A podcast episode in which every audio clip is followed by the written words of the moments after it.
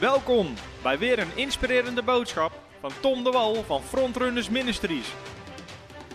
We bidden dat je via deze aflevering geïnspireerd wordt in je leven met God en opgebouwd wordt in je geloof. God is goed, amen. Halleluja. Hebben jullie er weer zin in? Halleluja, ik ook. Dus ik dacht, ik smokkel er nu alvast een avondje bij. En misschien dat we dat nog een keer doen. Halleluja. Maar er is zo ontzettend veel te delen over geloof. Amen. Er is zo ontzettend veel te delen over het onderwerp geloof. Dat zelfs aan 12 avonden, 13 avonden, zelfs aan 20 avonden zouden we tekort hebben. Om het hele onderwerp geloof uit te diepen. Amen. Wie heeft er al heel wat nieuwe dingen geleerd over geloof, deze, deze school? Prijs God. Zie je ook wat ik zei in het begin? Dat sommige mensen missen het in de fundamenten. Andere mensen missen het in bepaalde componenten. Maar uiteindelijk zie je dat het woord van God is waar. Amen. En God is een waarmaker van zijn woord. Hij doet wat hij belooft. Alleen het is aan ons om uit te vinden wat God belooft en hoe God zegt dat we het moeten doen. Amen. En als we doen wat God zegt, krijgen we wat God zegt. Zo eenvoudig is het. En nog even twee mededelingen. De meesten weten het. Iedereen die hier kijkt, maar ook online. Het nieuwe boek staat in de webshop, dus je kan hem gewoon daar gratis bestellen. Er zijn er al uh, duizenden de deur uit. Het is gewoon geweldig om geloof te zaaien in Nederland. Amen. Er is heel veel ongeloof. Onder de ongelovigen, maar dat is logisch. Maar ook onder de gelovigen. We hebben ongelovige gelovigen. Amen. Ik stond vandaag nog op een of andere nieuwssite. Ik heb bijna een bingo kaart van het AD, het ND, weet ik veel welke, de Trouw. We hebben bijna alle kranten al gehad. En vandaag stonden we weer op het nieuws, omdat we deden een campagne in, uh, in Drachten in Friesland. En er kwam daar een jongen en die genas van zijn rug, gaf zijn leven aan Jezus. En toen ik de zaal uitliep, aan het einde van de dienst, liep hij met zijn vader achter me aan. En hij zegt, joh, wil je ook voor me bidden? Ik heb autisme, daar wil ik van genezen. Dus ik legde hem de handen op, bad een simpel gebed. En hij is totaal genezen van zijn autisme. Halleluja. Hij heeft zich laten dopen. Hij heeft zijn getuigenis gegeven hoe hij vrij is gezet van autisme, hoe hij er geen last meer van heeft. En het probleem is, de wereld kan het niet geloven. Dus hij getuigde ervan en natuurlijk de seculiere media erop. En uh, dan ben je een charlatan en van alles en nog wat, want dat kan niet. En, uh, maar goed, dat kan je de wereld kan je dat nog vergeven dat ze het niet geloven. Maar weet je wie er als eerste bovenop zitten? Om te zeggen dat het niet kan en dat het nep is en dat het niet waar is. Zijn de christenen. Zijn je, zijn je broeders en je zusters? En er zijn mensen ook die nou artikelen gaan schrijven over dat autisme niet kan genezen. Maar mijn Bijbel zegt dat alles is mogelijk voor degene die gelooft. Amen. En ik wil niet in het kamp zitten van de niet-gelovige gelovigen. Ik wil in het kamp zitten van de gelovigen. Amen. Maar zie je, veel christenen geloven niet dat het woord waar is. Ze geloven niet in een bovennatuurlijke. Ze geloven niet in wonderen. Als het niet in hun verstand past, geloven ze het niet. En het is tijd dat dat gaat veranderen. Amen. Want we gaan nog veel gekkere wonderen zien. Amen. Halleluja. En iedere keer als de wonderen groter worden, wordt de kritiek groter. Maar laat maar gebeuren. Halleluja. Amen. Jezus zei al, als ze hem Beelzebub hebben genoemd. Als ze gezegd hebben dat hij het door de duivel deed, zullen ze dat van jullie ook zeggen. Dat is een minder leuke belofte. Hoef je ook minder moeite voor te doen om die te geloven, want dat wordt toch wel waar. Als je wandelt in zijn wil. Amen. maar dat hoort erbij. Halleluja. Maar goed, het boek is uitgekomen.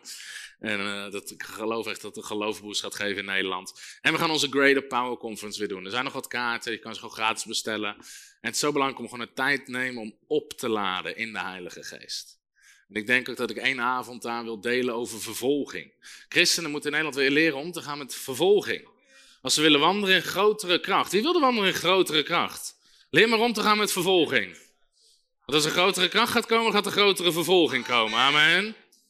Dus waar je ja tegen zegt. De Heer heeft gezien wie allemaal zijn hand heeft opgestoken hier. En de eerste volgende keer stuur ik ze naar jou toe. Dan zeg ik, die daar, die gelooft precies hetzelfde. Halleluja. Prijs God. Oké, we zijn bezig met hoe we geloof krijgen. Of hoe geloof groeit. En we hebben het gehad een, twee lessen geleden over een aantal fundamenten van geloofsgroei. Groeien in geloof, hoe werkt dat? De vorige keer hebben we gekeken naar vijf manieren hoe geloof komt. Of hoe we kunnen groeien in geloof. En vanavond wil ik specifiek gaan kijken, en de titel van vanavond is ook afrekenen met ongeloof. De sleutel tot resultaat. Afrekenen met ongeloof, de sleutel tot resultaat. En dus vanavond wil ik daar specifiek op ingaan. En ik wil nog heel even samenvatten van de vorige keer. Want hoe komt geloof? Wie weet nog waar het staat? Waar staat in de Bijbel hoe geloof komt? Romeinen 10, heel goed, vers 17. Daar zegt de geloof komt door het horen. En door het horen van het woord van God. Amen. Dat is de meest voornaamste bron, als het ware, waardoor geloof komt in je geest. Is door het horen en het horen van het woord van God. We hebben de vorige keer ook gezegd, geloof komt. In andere woorden, geloof moet altijd komen.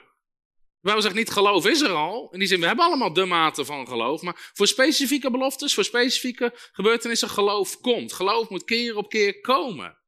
En daarom kunnen mensen niet zeggen, ik heb er gewoon voor gekozen om geloof te hebben. Want de Bijbel zegt niet, geloof komt door te kiezen.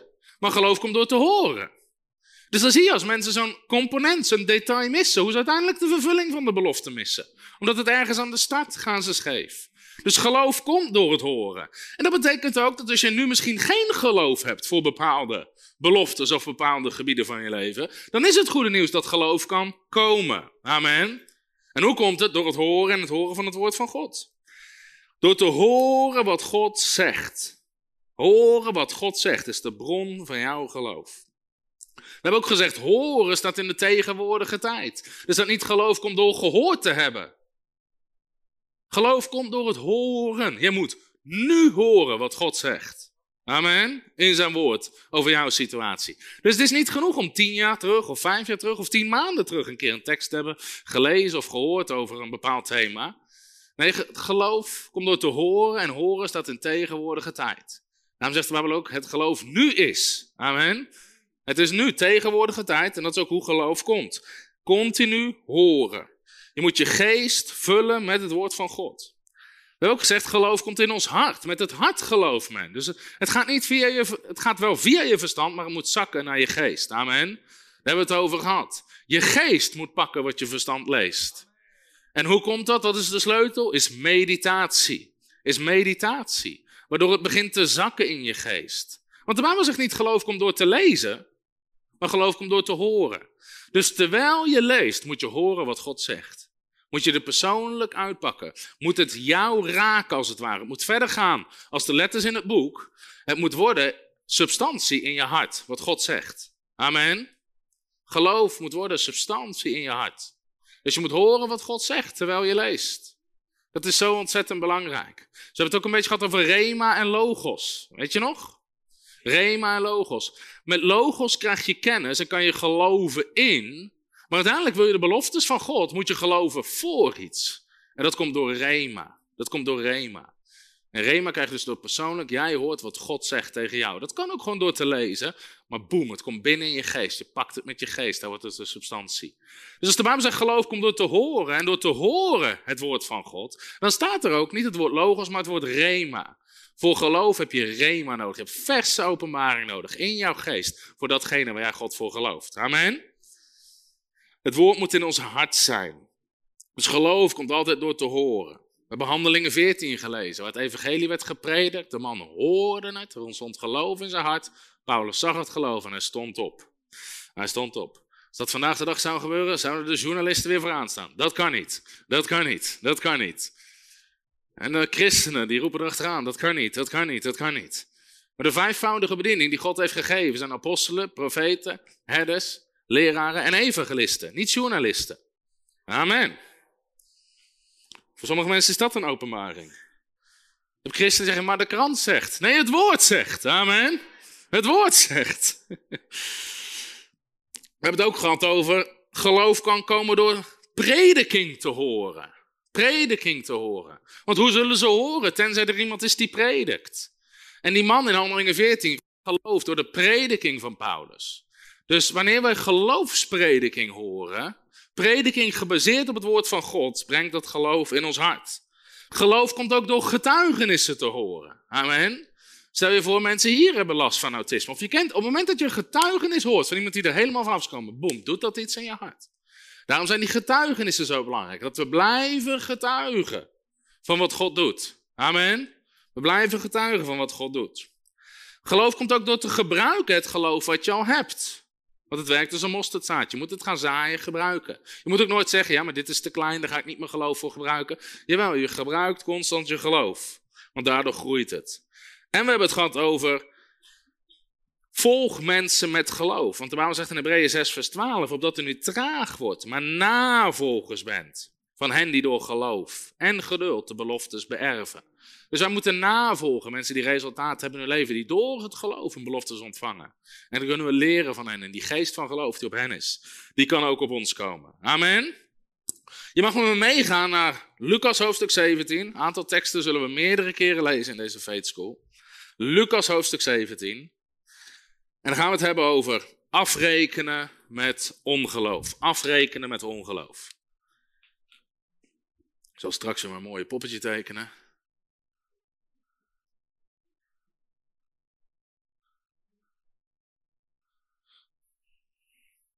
Als je Lucas hoofdstuk 17 gevonden hebt, dan zeg je prijs de Heer. En dan gaan we lezen. Laten we maar lezen vanaf vers 5. We hebben deze tekst al eerder gelezen. Waar de apostelen zeggen. En de apostelen zeiden tegen de Heer: Vermeerder ons geloof. Vermeerder ons geloof. Geef ons meer geloof. Geef ons groter geloof. Jezus had net iets tegen ze gezegd waarvan ze dachten: dat kunnen wij niet. En nu zeggen ze: Heer, geef ons meer geloof. En de Heer zei: Als u een geloof had als een mosterdzaadje zou u tegen deze moerbijboom zeggen: Word ontworteld en in de zee geplant, en hij zou u gehoorzamen. Jezus begint toen hier te leren over hoe geloof werkt. Nou, een van de manieren waarop geloof niet komt, is door te bidden. Er zijn heel veel christenen die bidden voor geloof. Heer, geef mij geloof. Dat is wat de discipelen hier deden. Heer, geef ons geloof, vermeerder ons geloof. Maar Jezus zei niet, ah, hier komt het, shakaralabanda, yabanda, yabanda. Nee, Jezus begint ze uit te leggen hoe geloof werkt. Amen. En Jezus zegt, het gaat niet om meer geloof. Het gaat niet om groter geloof. Jezus zegt, als zouden jullie geloof hebben als een mosterdzaadje, dat zou genoeg kracht moeten hebben. Dat heeft genoeg kracht, zegt Jezus, om een moerbijboom te ontwortelen en in de zee te gooien. Geloof is ontzettend krachtig. Amen. We hebben het over gehad dat Jezus zelf is degene die geloof maakt. Het is de meest krachtige substantie in de geestelijke wereld, is de kracht van geloof. En op het moment dat geloof aan het werk wordt gezet, begint er iets te gebeuren. Amen. En Jezus leert ons dus geloof ter grootte van een mosterdzaadje. Boem, zou een hele moerbijboom kunnen verplaatsen. En geloof werkt altijd. Want Jezus zegt niet, als u geloof had als een mosterdzaadje, zou u tegen deze moerbijboom zeggen, wordt ontworteld en in de zee geplant. En misschien zou die u gehoorzamen. En misschien zou het gebeuren. Hij zegt ook niet, en als het Gods wil is, zal het gebeuren. Dat is wat mensen zeggen. Maar jij zegt, nee, geloof werkt altijd. Dus geloof is ontzettend krachtig. Zeg eens, geloof is ontzettend krachtig. En geloof werkt altijd. Dat zijn zulke belangrijke fundamenten. En nu gaan we even lezen Marcus hoofdstuk 11. Marcus hoofdstuk 11. Want hier gaat Jezus verder in op geloof. En heeft hij het zelfs over bergen verplaatsen bergen verplaatsen. Voor de mensen die nu live zitten te kijken, je kan ook naar onze gebedslijn bellen als je gebed nodig hebt, of genezing, of de doop in de Heilige Geest, of bevrijding. Bel naar het nummer wat nu in beeld komt. Vorige week ook hebben mensen tijdens de livestream hun leven aan Jezus gegeven. Misschien kijk je dit, je bent nog niet gered, je weet niet zeker waar de eeuwigheid doorbrengt. Bel, er zijn mensen die met je willen bidden, die het evangelie met je willen delen, zodat je vandaag nog je redding vast en zeker kan maken. We hebben ministerteams klaar zitten, dus bel naar onderstaand nummer. En we zien uit naar alle wonderen die God doet. Marcus 11, vers 23. Daar zegt Jezus dit. Want, daarvoor zei hij, heb geloof in God, maar eigenlijk staat heb het geloof van God. Ik zeg u, wie tegen deze berg zal zeggen, wordt opgeheven en in de zee geworpen. Nou, dit lijkt hetzelfde als in Lucas, maar nou komt er een stukje bij. En, iedereen zegt en. En niet zal twijfelen in zijn hart en niet zal twijfelen in zijn hart, maar zal geloven dat wat hij zegt gebeuren zal, het zal hem gebeuren wat hij zegt. Hier geeft Jezus een voorwaarde, om het zo maar te zeggen. Voor geloof om te werken. Voor geloof om resultaat te hebben. Voor geloof om bergen te verplaatsen. En wat is die voorwaarde? Is niet twijfelen in je hart. Niet twijfelen in je hart. Dus de vorige keer hebben we gezegd, je hart spreekt niet over je fysieke hart, het spreekt over je geest, waar als het goed is, geloof hoort te zitten. Maar Jezus zegt, het werkt alleen als je ondertussen niet twijfelt in je hart. Hier moet geen twijfel zitten. In andere woorden, wanneer jij twijfelt in je hart, wanneer je spreekt tegen de berg, gebeurt het niet. Ga eens mee naar Jacobus, hoofdstuk 1. Jacobus, hoofdstuk 1.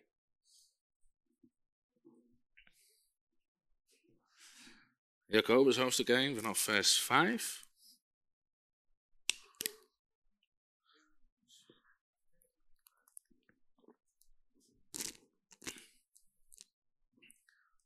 Als je het gevonden hebt, zeg je prijs de Heer.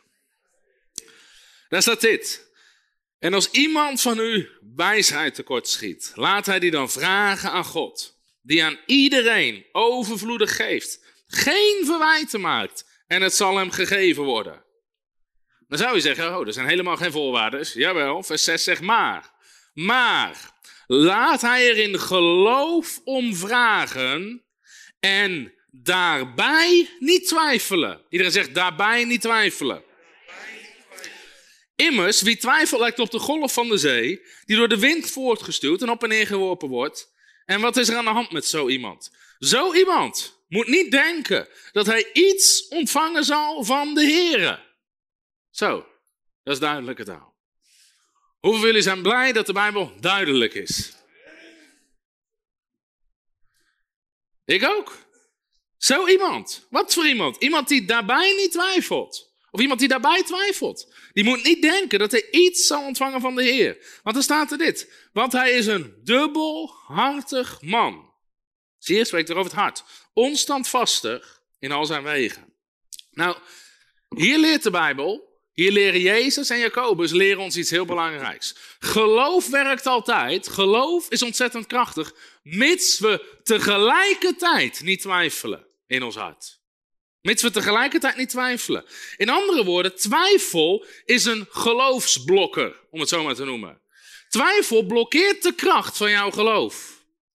Twijfel is een vorm van ongeloof. En het blokkeert de kracht van je geloof. Romeinen 10 zegt, met je hart geloof je. Maar Jezus zegt ook, hij waarschuwt in Marcus 11 voor, en niet zal twijfelen in zijn hart. Dus ook twijfel is een kracht die in je hart kan komen. Hoe komt die daar? Hetzelfde, via je hoofd, via je natuurlijke zintuigen, via je ogen, je oren, wat je voelt, wat je denkt. Twijfel in je hart. En daarom zegt Jacobus ook, hij is een dubbelhartig mens. Dus ik ga nu wel even de vorm van een hart tekenen, ondanks dat het niet over ons natuurlijke hart gaat. Maar voor geloof om te werken, wat moet er in ons hart zitten? Alleen geloof. Alleen geloof. En daarbij niet twijfelen. Maar Jacobus zegt, mensen kunnen dubbelhartig zijn. Ze kunnen geloof hebben en tegelijkertijd twijfelen. Tegelijkertijd twijfelen. Dus we leren iets heel belangrijks. Ons geloof werkt niet wanneer we twijfelen. Wanneer twijfel komt, stopt de kracht van je geloof. En ik ga het je laten zien in Matthäus hoofdstuk 14. Let op wat hier gebeurt. Matthäus hoofdstuk 14. In Matthäus 14 staat in mijn optiek misschien wel een van de grootste wonderen. En een van de krachtigste voorbeelden van geloof. En we gaan lezen vanaf vers 28. In Matthäus hoofdstuk 14 zitten de discipelen in de boot. En terwijl ze in de boot zitten, komt iemand naar gelopen. En ze dachten eerst dat het een spook was. Maar ze komen erachter, het is geen spook, het is Jezus. En dan zegt Petrus dit, in vers 28. En Petrus antwoordde hem, zei, Heere, als u het bent, geef mij dan bevel om over het water naar u toe te komen. En hij zei, kom. Jezus zegt, Petrus, kom. En wat doet Petrus? Petrus, op het woord van Jezus, kom. Hoe komt geloof? Door het horen van het woord van Christus. Hoe kwam Petrus aan zijn geloof om op water te wandelen? Hij hoorde Jezus. Jezus zei, kom. En met de kracht van dat ene woord, drie letters, kom, boem, zit genoeg autoriteit en geloof in voor Petrus om uit die boot beginnen te klimmen en op het water te stappen. En Petrus doet dat. Hij klimt uit die boot en hij loopt over water. Kom, en Petrus klom het schip uit. Petrus klom het schip uit. Ik weet niet wat jullie beeld is van, dit is geen Bad Smit opblaasbootje. Dit was een visserschip. Amen. Waar ze hele vaak grote netten en dingen. Dus dit, dit is geen roeiboot die je huurt in de Biesbos als je een zondagmiddag een rondje wil varen. Dit was waarschijnlijk een flinke boot. Dus hij moest er echt uitklimmen. Hij begint op, misschien moest hij eerst aan de rand hangen. En hij laat zijn voeten zakken op het water. En hij begint te lopen over het water. Is dit een krachtig voorbeeld van geloof? Hoe krachtig geloof is. Op basis van één woord, boem, begint Petrus te wandelen over water. En dat water houdt hem. Eigenlijk liep hij niet op water, hij liep op geloof. Want de HSV zegt, het geloof nu is de vaste grond van de dingen die we hopen. Het veranderde water in vaste grond. Vaste grond. Kom, en Petrus klom uit het schip, liep op het water om bij Jezus te komen. Let op, vers 30. Maar toen hij op de sterke wind lette, Eerst was hij alleen gefocust op het woord. Hij liep op het woord. Hij liep op het woord. Hij liep op het woord. En terwijl hij loopt op het woord, begint hij om zich heen te kijken. Naar natuurlijke omstandigheden. En hij begint op die wind te letten. En toen kwam er angst. Hij werd bevreesd. En hij begon te zinken. Hij begon te zinken. En hij riep, Heer, red mij. Jezus stak meteen zijn hand uit, greep hem vast en zei tegen hem, kleingelovige, waarom hebt u getwijfeld. Zie je hoe krachtig geloof is en zie je hoe krachtig twijfel is. Toen Petrus begon te twijfelen, deed het de kracht van het geloof teniet. Waarom heb je getwijfeld?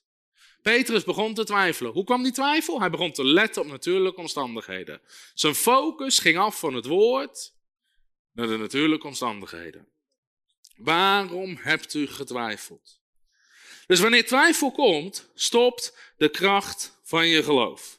Zie je dat in al deze teksten? Marcus 11. Je kan spreken tegen de berg, maar niet twijfelen in je hart.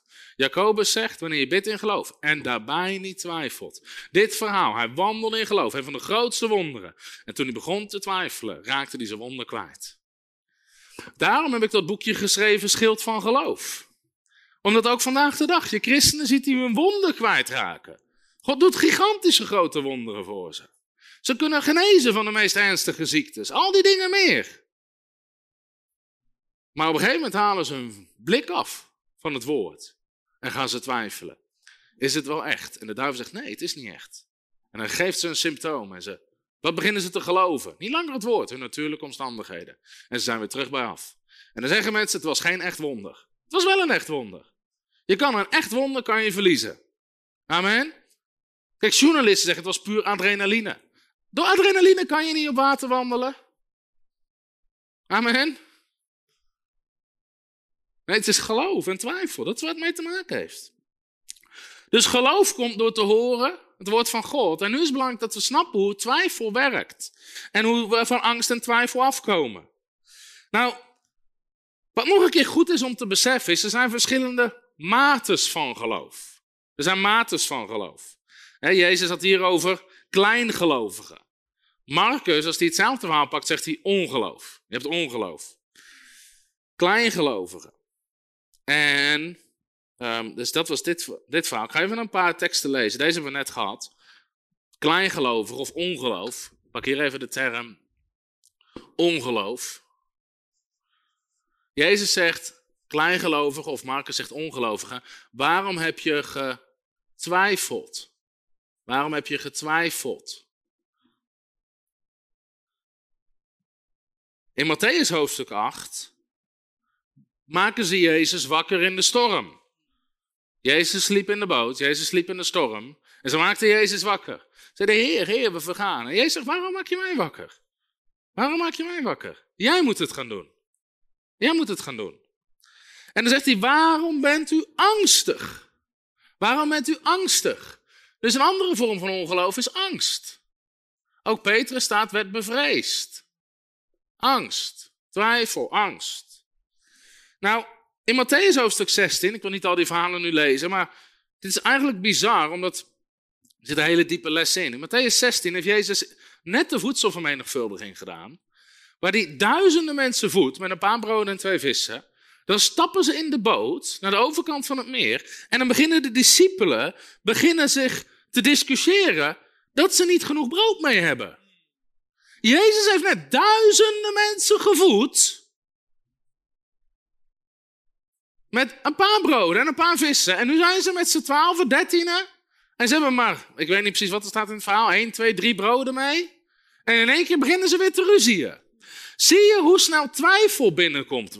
Zie je hoe snel ongeloof binnenkomt? Mensen zouden ook zeggen, ik hoor mensen ook wel eens zeggen, zo dacht ik ook. Nou, als ik één keer iemand zie opstaan uit de rolstoel, nou, dan heb ik voortaan geloof voor alles. Maar als je niet oppast, wat gebeurt er met al die natuurlijke omstandigheden, al die natuurlijke indrukken? En dan spreekt hij net over de hardheid van hart. Soms is ons hart gewoon verhard. Ons hart is verhard en, en, en we leren niet soms de dingen die we zouden moeten leren. Amen. Maar dan zegt hij, uh, waarom hebben jullie het erover dat je geen broden meer hebt? En wat maakten ze zich? Ze maakten zich zorgen. Zorgen.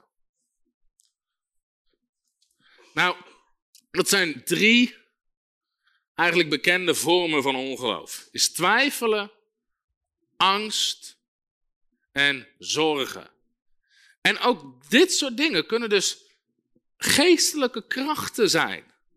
Paulus zegt, God heeft ons niet gegeven een geest van angst. Een geest van angst.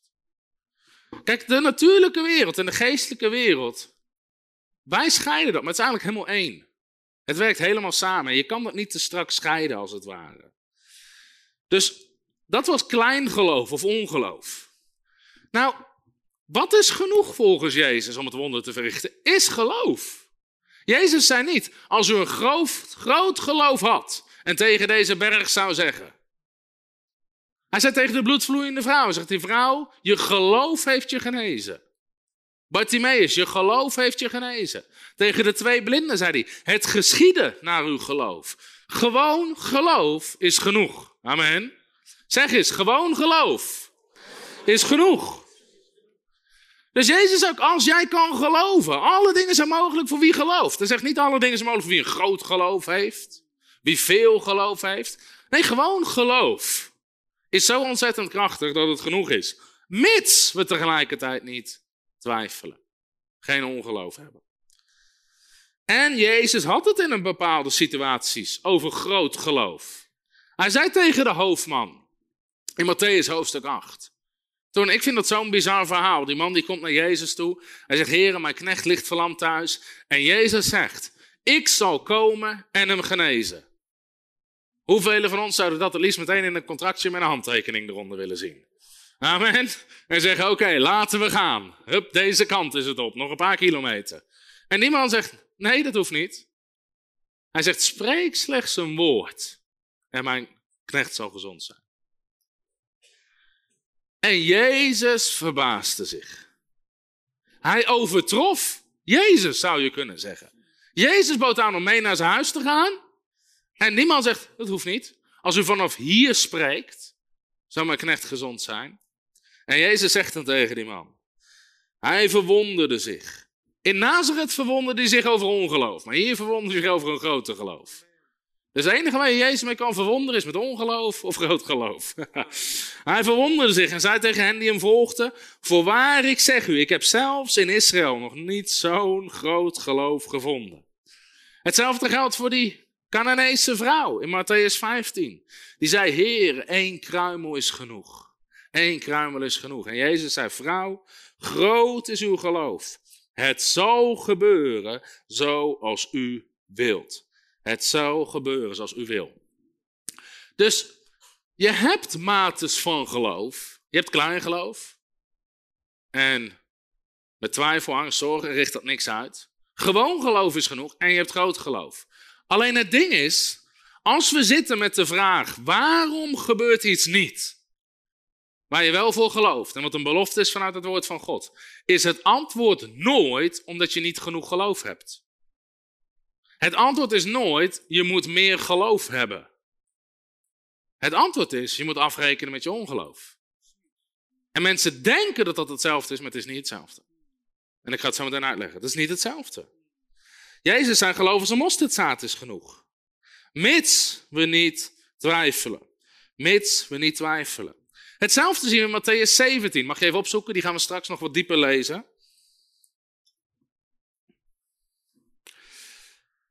Matthäus 17 is een fascinerend verhaal. En voor de mensen die een fysieke Bijbel mee hebben, je kan er een briefje of als je leeslinten hebt, een leeslint tussen leggen, want we gaan hem straks ook lezen. Samen met Marcus 9, waar hetzelfde verhaal staat, maar waar we net iets meer details hebben. Dus als je die mooie leeslinten hebt, leg er eentje tussen. Matthäus hoofdstuk 17. In Matthäus 17 lezen we het verhaal van die vader met die maanzieke jongen. Jezus is op de berg van verheerlijking. Ondertussen brengt die vader zijn zoon naar de discipelen. En de discipelen proberen hem te genezen, maar het lukt niet. En uiteindelijk, als het hele verhaal overkomt, gaan straks gaan we het hele verhaal lezen, maar dan komen de discipelen in vers 19. Komen bij Jezus. En die zeggen dan, toen zij alleen waren, zie je dat? Ze dachten, wacht even tot iedereen weg is. maar hoeveel zijn blij dat het opgeschreven is? Toen zij alleen waren, waarom konden wij hem niet uitdrijven? Jezus had de jongen genezen. Waarom konden wij het niet? En Jezus zei tegen hen, vanwege uw, vanwege uw ongeloof. Want voorwaar ik zeg u, begint hij weer. Als u geloof had als een mosterdzaad. U zou tegen deze berg zeggen, verplaatsen van hier en daar. Het zou en niets, hij zou gaan en niets zou voor u onmogelijk zijn. Wat zegt Jezus? Vanwege uw ongeloof. Vanwege uw ongeloof. Nou, Jezus' antwoord is niet pastoraal, maar wel effectief. Jezus zegt vanwege uw ongeloof. Let op, hij zegt niet, je moet meer geloof hebben. Dat zegt hij niet. Hij zegt ook niet, je moet een groter geloof hebben. Hij zegt ook niet, je geloof is niet groot genoeg. Hij zegt, vanwege uw ongeloof.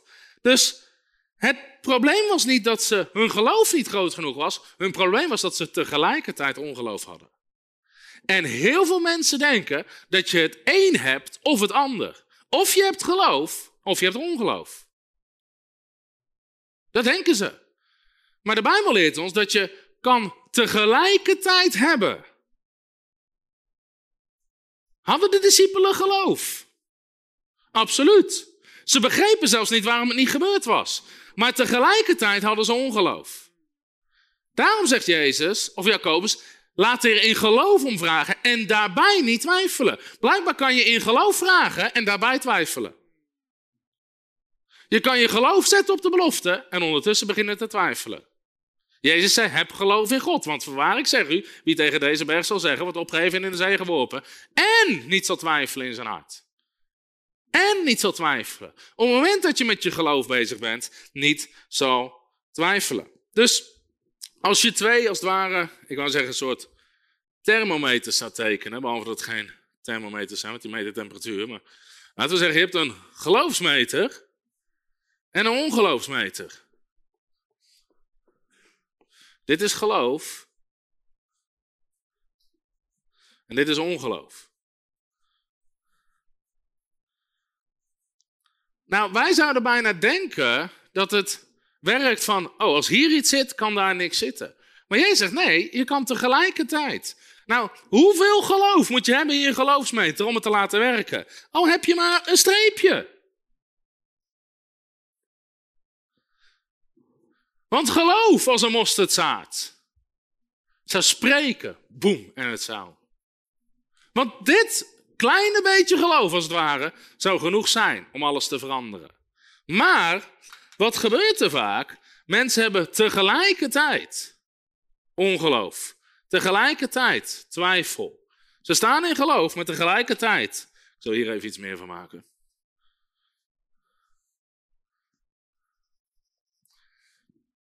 Dus Jezus zegt tegen de discipelen: Die discipelen hadden geloof. Die waren begonnen, enthousiast, vol vuur, die demonen aanspreken, bidden voor die zieke jongen. En wat gebeurde er? Die jongen begon heel heftig te manifesteren. Dat deed hij ook bij Jezus. We gaan het straks wel lezen. En ze dachten: Oh nee, dit werkt niet. En terwijl ze bezig zijn met hun geloof, komt er ongeloof binnen. En Jezus zegt dus: Heer, waarom werkt het niet? Jezus zei niet omdat je niet genoeg geloof hebt. Jezus zei vanwege dit. Dit is wat je aan moet pakken. Dit is wat je moet tackelen. En heel veel mensen beginnen zich hierop te focussen. Groter geloof, meer geloof. En het antwoord is vanwege ongeloof. En mensen denken dat het hetzelfde is, maar het is het niet. Het is niet hetzelfde. Dus Jezus leerde mensen nooit om meer geloof te hebben of een groter geloof te hebben. Er was niemand tegen wie Jezus dat zei. Maar waar wees hij constant op? Afrekenen met angst, afrekenen met zorgen en afrekenen met twijfel. Waarom heb je getwijfeld? Waarom twijfel je? Waarom ben je zo angstig? Heb je dan geen geloof? Hij zit constant. Maak je geen zorgen. En wij zitten ons heel vaak hierop te richten. Wat goed is, ook om geloof te bouwen en geloof te groeien. Maar dit is de killer voor je geloof. Dit is de killer, waardoor het vaak niet werkt bij mensen. En daarom zie je ook, ga ik straks misschien nog wat meer op zeggen. Sommigen zeggen, ja, maar die had echt geloof en dat is niet gebeurd. En ze kijken alleen maar hiernaar, maar we zien niet wat hier zit. Tegelijkertijd. Dus mensen kunnen zeggen, maar die had echt geloof en ik zag het en die deed dit en die deed dat. En die had ook echt geloof, maar tegelijkertijd ongeloof. En jij zegt dus niet omdat je geloof niet groot genoeg is, maar vanwege uw ongeloof. Vanwege uw ongeloof. Dus als dingen niet gebeuren, is het antwoord nooit. Je moet meer geloof hebben, je moet afrekenen met ongeloof. Nou, ik wil nu even het hele verhaal lezen, om wat meer lessen uit te halen. En we gaan eerst, we hebben Matthäus hebben we open, toch? Dan gaan we eerst lezen Matthäus. En daarna wil ik nog een stukje lezen uit Marcus. Want in Marcus lezen we over een gesprek met de vader en dat gaat, Jezus gaat daar wat dieper, of er staan wat meer details over het gesprek wat Jezus heeft met de vader van die zoon. Matthäus 7, 10 vanaf vers 14. Nou, voordat ik het ga lezen, dit is een van de belangrijkste verhalen die we hebben over genezing in het Nieuwe Testament. En over geloof. Waarom? Omdat dit het enige verhaal is in het Nieuwe Testament waar de discipelen naar iemand bedienen en het werkt niet. Het enige verhaal. En Jezus legt uit waardoor het komt. Jezus legt gewoon exact, feit tot in de details uit waardoor het komt en wat mensen moeten doen. En de kerk heeft het verhaal niet gebracht. In plaats daarvan hebben we allemaal andere theologieën en excuses en theorieën verzonnen. Waarom het niet altijd gebeurt. Terwijl bij één verhaal, waar Jezus haarfijn uitlegt waarom het niet gebeurt. Alleen misschien staat de les uit het verhaal sommige mensen niet aan. En vinden ze het makkelijker om iets anders te verzinnen dan hiermee aan de slag te gaan. Maar het is het enige verhaal waar de discipelen voor iemand bidden. En het gebeurt niet. Matthäus 17 vanaf vers 14.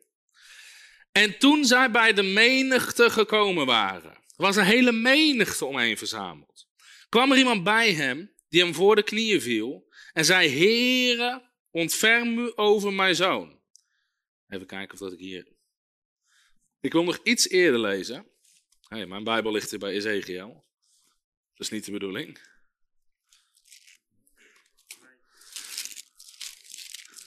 Ik wil nog iets eerder lezen. Want daarvoor lezen we, als het goed is. Even kijken. Ah nee, dat staat in Marcus. Gaan we het zo meteen in Marcus iets eerder lezen. En toen zij bij de menigte gekomen waren, kwam er iemand bij hem die hem voor hem op de knieën viel. En zei, Heere, ontferm u over mijn zoon. Want hij is maanziek. Nou, sommige mensen denken dat het epilepsie is, andere mensen denken dat het iets anders is, maar het was in ieder geval een heftige ziekte. En hij heeft veel te lijden, want hij valt dikwijls, regelmatig in het vuur en in het water. En ik heb hem bij uw discipelen gebracht, maar zij konden hem niet genezen. Jezus antwoordde. Wat is het eerste wat Jezus zegt? O ongelovig en ontaard geslacht. Ontaard betekent in het Engels staat het twisted in thinking. Verkeerd denkend. O ongelovig en ontaard geslacht. Hoe lang zal ik nog bij jullie zijn? Hoe lang zal ik jullie nog verdragen? Breng hem hier bij mij. En Jezus, vers 18, bestrafte hem en de demon ging van hem uit. En het kind was vanaf dat moment genezen. Toen kwamen de discipelen bij Jezus. En zeiden, de discipelen dachten, wat is dit? Wij hebben alles geprobeerd. Toen kwamen de discipelen bij Jezus. Ze zeiden, toen zij alleen waren. Waarom konden wij hem niet uitdrijven? En Jezus zei tegen hen, vanwege uw ongeloof. Want voorwaar ik zeg, als u geloof had als een mosterdzaad, zou u tegen deze berg zeggen, verplaats u van hier naar daar. En hij zou gaan. Niets zou voor u onmogelijk zijn, maar dit soort gaat niet uit dan door te bidden en vasten. Dan gaan we naar Marcus hoofdstuk 9, zodat we het hele verhaal compleet hebben. En dan wil ik eigenlijk, ik ga niet het hele verhaal opnieuw lezen. Nou, laten we wel een stuk lezen, want hier zitten gewoon wat details in die we Matthäus niet hebben. Doet geen pijn, amen, om het woord van God te lezen. En toen hij bij de discipelen gekomen was, vers 14, Marcus 9, zag hij een grote menigte om hen heen. Dus er was een hele menigte verzameld. Enige schriftgeleerden, de fariseeërs, die met hen aan het reden twisten waren, aan het discussiëren. Nou, de fariseeërs staan als eerste vooraan om te discussiëren, als het niet gebeurt. Amen. Hadden ze toen ook al last van. En meteen, toen heel de menigte hem zag, waren ze ondaan, ze snel naar hem toe, ze begroeten hem. En hij vroeg aan de schriftgeleerden, waarom reden twist u met hen? Dan komt die vader, ik heb mijn zoon bij u gebracht. Nou, dan vertelt hij wat hij allemaal uh, deed, die, die demonen. Gaan we even iets verder. Naar vers 20, vanaf vers 20. En zij brachten hem bij hem. En toen hij hem zag, hij is de demon in die jongen. Toen hij hem zag, toen de demon Jezus zag, deed de geest hem meteen stuiptrekken. En hij viel op de grond, bentelde zich met schuim op de mond. Zie je, heftige manifestaties. Meteen begint die demon te reageren. Die begint op de grond te vallen, te schuimbekken, om te rollen. En Jezus vroeg aan zijn vader, hoe lang is het al dat dit hem overkomt? Jezus was niet onder de indruk. Jezus was niet in paniek. En hij zei van jongs af aan. En vaak heeft in het water en vuur geworpen om hem om te brengen. En dan zegt de vader. De vader was zijn geloof kwijtgeraakt. Die zei, als u iets kunt doen. Ik heb hem net bij uw discipelen gebracht, die konden het niet. Als u iets kunt doen. Wees dan met innerlijke ontferming bewogen over ons en help ons. En Jezus zei tegen hem, als u kunt geloven. Alle dingen zijn mogelijk voor wie gelooft. En meteen riep de vader van het kind onder tranen: Ik geloof, heren, kom mijn ongeloof te hulp. Ik geloof, heren, kom mijn ongeloof te hulp. Verder gaan we niet lezen. De rest van het verhaal is weer gelijk aan Matthäus. Maar hier zie je dat je wat details hebt die in Matthäus niet staan. En ik wil een aantal belangrijke lessen halen uit dit verhaal over geloof, ongeloof, twijfel overwinnen. En voordat ik dat ga doen, wat belangrijk is om te beseffen, die vader zei, ik heb hem bij uw discipelen gebracht, maar zij konden hem niet genezen. Wat de vader hier zei, is niet waar. Ze konden het wel, maar het lukte ze niet. En dat is een heel verschil. Amen. Ze konden het wel, maar het lukte hen niet. En veel christenen geloven diezelfde leugen. Je ziet dat nu met een getuigenis van autisme. We hebben getuigenissen van anderen. Zodra we een getuigenis publiceren van iemand die van, waarvan de medische wereld zegt dat iets ongeneeslijk is, boem, dan zitten de christenen van. Daar kan je niet van genezen. Dat kan niet. Maar dat is niet de waarheid in het woord van God. Ga eens mee naar Matthäus hoofdstuk 10, vers 1. Want ik wil je laten zien dat het niet waar is, wat die vader zei. Matthäus 10, vers 1. Deze tekst zegt Jezus tegen de twaalf discipelen, maar die geldt net zo goed voor ons. Matthäus 10, vers 1. Daar staat dit. Hij riep zijn twaalf discipelen bij zich. Hij gaf hun macht over de onreine geesten. Om die uit te drijven. In je Bijbel kan je erbij zetten Lucas 9, vers 1. Want daar zegt het: Hij gaf hen kracht en macht over alle demonen. Over alle demonen. Dat staat in Lucas 9, vers 1. Hij gaf hem macht en kracht over alle demonen om die uit te drijven. En om sommige ziektes en sommige kwalen te genezen. Staat dat er? Nee. En om iedere ziekte en elke kwaal. Zie je dat, Matthäus 10 vers 1? Jezus zegt tegen zijn discipelen, ik geef jullie de macht om iedere ziekte en elke kwaal te genezen. Dezelfde opdracht geldt voor ons. Want Jezus zei in Matthäus 28, ga heen, onderwijs de volken, leer ze alles wat ik jullie geleerd heb. Om dat te doen. Amen. Dus dit valt er ook onder. Om iedere ziekte en elke kwaal. Dus Jezus had hun autoriteit gegeven over alle demonen, over iedere ziekte en elke kwaal. Want voor God maakt het niet uit. Maar voor wie maakt het uit? Voor ons geloof maakt het soms uit. Want wij denken dat het ene moeilijker is dan het andere. Maar Jezus niet, dat ze autoriteit geven over alles. Dus dat iets niet lukt, zegt niks over de wil van God. Dit is zo belangrijk om te vestigen in je leven. Of iets wel of niet lukt, zegt niks over de wil van God. Want wat je gelooft is gebaseerd op het woord van God en niet op jouw ervaring. Amen. Zo ontzettend belangrijk. Ik gaf ooit les op een bijbelschool. Was ik weet niet, was geen voltijdschool, was mijn avondschool ergens. En ik moest spreken over het koninkrijk van God en alles wat daarbij hoorde. En op een gegeven moment kwam ik op ziekte en genezing. En er was een meisje in de zaal en die werd, die werd letterlijk woedend. Die begon te schreeuwen. Zei, jij zegt dat het Gods wil is om te genezen. Maar mijn oom, die is voorganger. Hij heeft kanker. Wel honderd mensen hebben om gebeden. En hij is niet genezen, dus het is niet Gods wil. Ze begon door de klas heen te schreeuwen. Dus ik dacht, hé, woord van wijsheid. En ze was echt furieus. Ik zei, joh, mag ik je één vraag stellen? Ze zei, ja, wat dan? Ik zei, als Jezus nu binnen zou komen in zijn slaapkamer en die zou handen op hem leggen voor genezing, wat zou er dan gebeuren? Ze zei, ja, dan zou die genezen. Ik zeg, amen. En Jezus zegt, je zal dezelfde werken doen als mij en nog grotere. Dat is het. Jezus laat ons de Vader zien. En hij zegt, je zal hetzelfde doen als mij en nog groter. Simpeler kan je de discussie over genezing niet maken. Maar ook zij geloofde op basis van haar ervaring. Maar de Bijbel zegt nergens, laat honderd mensen bidden. En dan zal die genezen. Dus zie je, mensen bouwen theologie op een eigen idee. Er zit heel vaak een verschil tussen wat mensen denken wat het woord zegt en wat het woord zegt. Maar Jezus geeft ons autoriteit over iedere ziekte en elke kwaal. Dus het ligt nooit aan God. Amen. God heeft alles al gedaan. Dit verhaal was nog voor de kruisiging. Wij leven na de kruisiging. Waardoor zijn striemen wij genezen zijn. En Jezus de prijs heeft betaald voor iedere ziekte. Dus wij zitten nog in een luxere positie, zou je kunnen zeggen. Daarom zei Jezus, het is beter dat ik wegga. Want dan kan ik de Heilige Geest sturen. Amen. Nou, het punt is, dit is ook onze ervaring. Wij hebben vaak dezelfde ervaring als de discipelen hier hadden. Ze bidden voor iemand, maar er lijkt niks te gebeuren. Amen. En mensen hebben allerlei theorieën en theologieën.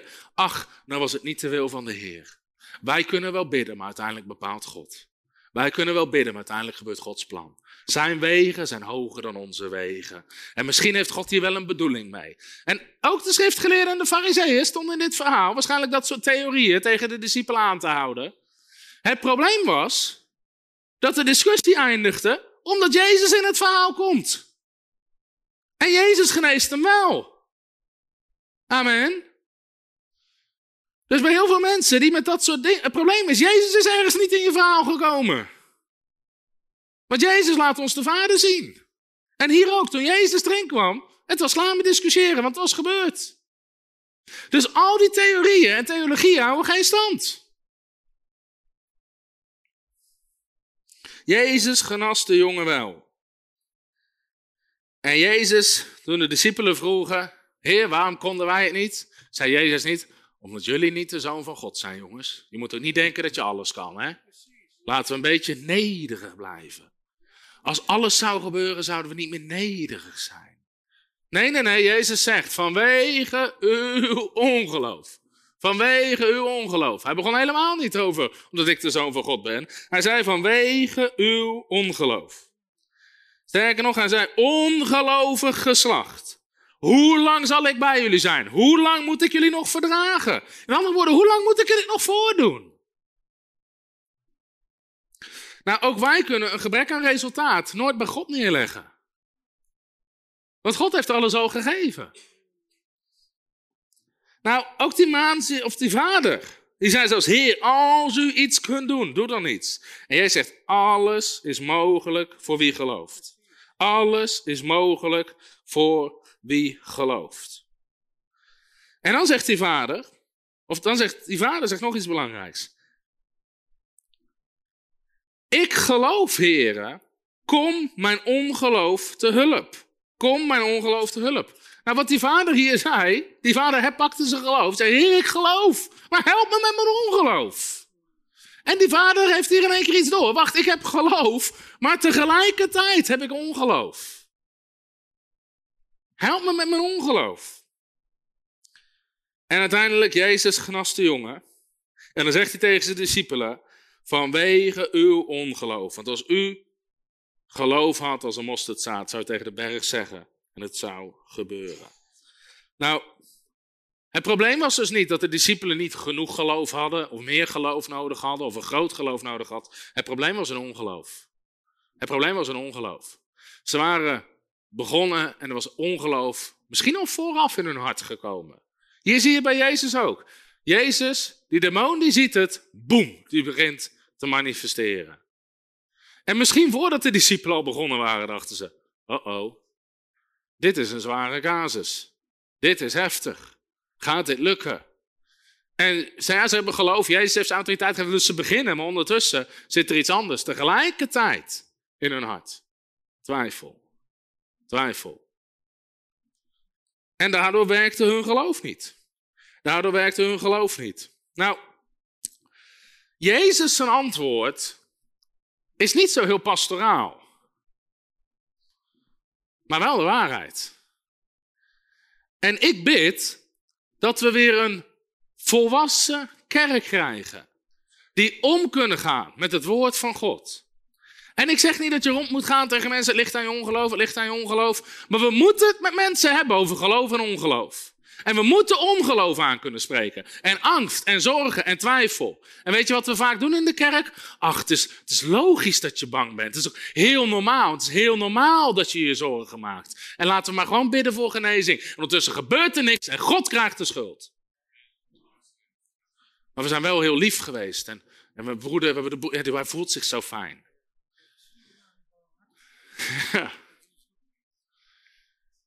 En dat is wat er constant gebeurt. Ik ben op bijbelscholen geweest, waar ik ben gecorrigeerd door een van de leerlingen. Zei, uh, wacht even meneer, uh, ons is geleerd dat je nooit iets mag zeggen over geloof en ongeloof. Ik zeg, ik ben blij dat Jezus niet naar deze bijbelschool is geweest. Jezus had het constant met mensen. Iedereen die met een probleem naar Jezus kwam, waar begon Jezus over geloof? Geloof. Dit is het ding. Medeleven kan mensen heel fijn laten voelen, maar ze blijven zitten in de situatie waar ze zitten. En als je ze eruit wil krijgen, hebben ze geloof nodig en moeten ze afrekenen met ongeloof. En soms is het als het ware, alsof mensen weet je, ze hebben een levensbedreigende ziekte of situatie of iets met hun kinderen. En, en we durven niet de waarheid te zeggen. En in plaats van zeggen, ach lieve broer, kom, het is ook niet erg en het is logisch dat je bang bent. Zoals in een brandend gebouw zitten, daar is de nooduitgang. Maar je zit zo over een arm te aaien en zegt, ach ja, het is ook logisch dat je het warm hebt. En ja, dat hoort er ook allemaal bij. Ja, ja, ja. En ze verbranden gewoon. In plaats van je zegt, joh, daar, daar moet je naartoe. Nee, als je mensen zegt wat ze moeten doen, voelen ze zich veroordeeld.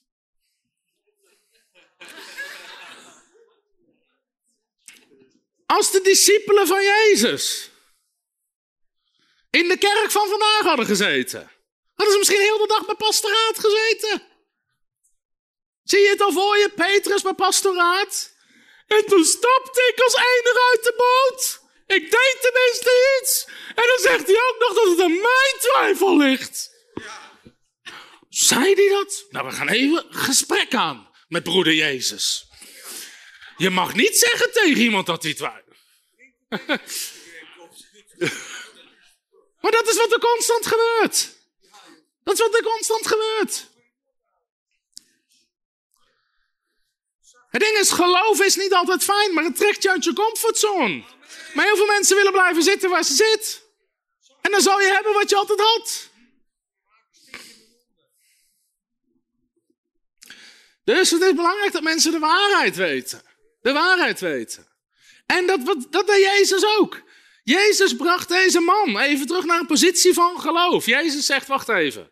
Als ik iets kan doen, dat is ook hoeveel veel christenen God benaderen. Heer, als u iets kunt doen, doe dan iets. En Jezus die legt de bal terug. Die zegt, als jij kan geloven, alles is mogelijk voor degene die gelooft. Alles is mogelijk voor degene die gelooft. Nou, en Jezus zegt tegen de discipelen, vanwege uw ongeloof, vanwege uw ongeloof. In andere woorden, dit is het ding waar we vaak mee te maken hebben. Kan veel zijn, kan weinig zijn, maar het is een geloofsblokker. Dit is ook de reden dat als er geen tijd is om te twijfelen, dat je zo makkelijk wonderen ziet gebeuren. Als er geen tijd is om te twijfelen. Petrus dacht amper na en die stapte uit de boot. En hij ging, en ik zie dit heel vaak, ook in genezingsdiensten. Als er geen, geen tijd is om te twijfelen bij mensen, boem, gebeuren de wonderen.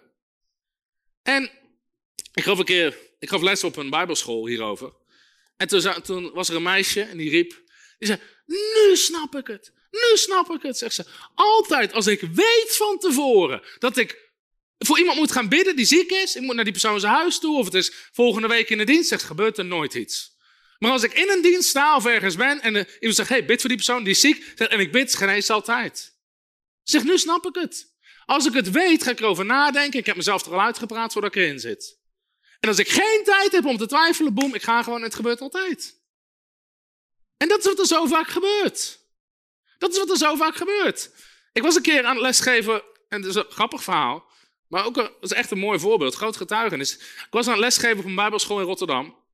En we moesten straat evangeliseren, moest ik ze meenemen en bidden voor zieken en al die dingen op straat. Dus we waren een paar uur op straat geweest, dat was op de Nieuwe Binnenweg in Rotterdam, een hele drukke winkelstraat, allemaal auto's die langs rijden, et cetera. Echt een drukke weg. En op een gegeven moment waren we klaar en we liepen terug naar die school over de Nieuwe Binnenweg. En we zijn bijna bij de ingang. En ik loop, ik sta voor de ingang en ik hoor, bam, ik hoor een keiharde klap. En misschien van, van, van Kasper zit, Kasper steekt in de lucht, misschien zo'n afstand. Wordt er een fietser aangereden door een auto, hij steekt over, of in ieder geval hij klapt frontaal op die auto. Boom, maakt een klap met een salto in de lucht. Boom, landt op de grond. Een enorme op kabaal. En ik zie dat gebeuren in mijn ogen. Boom, en ik zie hem, ik zie hem vallen, ik zie het gebeuren. En die man die probeert Natuurlijk, weet je, ik zie het gebeuren. Hij probeert op te staan, maar hij vergaat van de pijn. En je ziet hem zijn handen, zijn benen. Misschien dat, ik, ik weet niet wat hij had, maar hij verging van de pijn. En zonder na te denken, en hij stond daar zo, en helemaal in shock en pijn. En, ah, ah, en hij zat te kreunen van de pijn. En zonder na te denken, liep ik erheen. Ik was vergeten dat al, dus net achter liep, ik liep erheen. Ik zei, hey, hey, pak mijn handen, pak mijn handen. En hij pakt mijn handen en zegt, wees genezen in Jezus' naam. En boem, de kracht van God raakt hem. En hij geneest in één seconde. Gewoon, boem, en hij staat daar En hij? Ondertussen stapt diegene uit die auto. Die vraagt, gaat het? Gaat het? En hij zegt, hij was aangereden en boven natuurlijk genezen. In acht seconden. In acht seconden. Ik denk dat hij thuis kwam en dat zijn vrouw vroeg, hoe was het vandaag? Dat hij zei, ja. Een lang verhaal, denk ik, dat hij nodig had om uit te leggen wat er in acht seconden gebeurd was.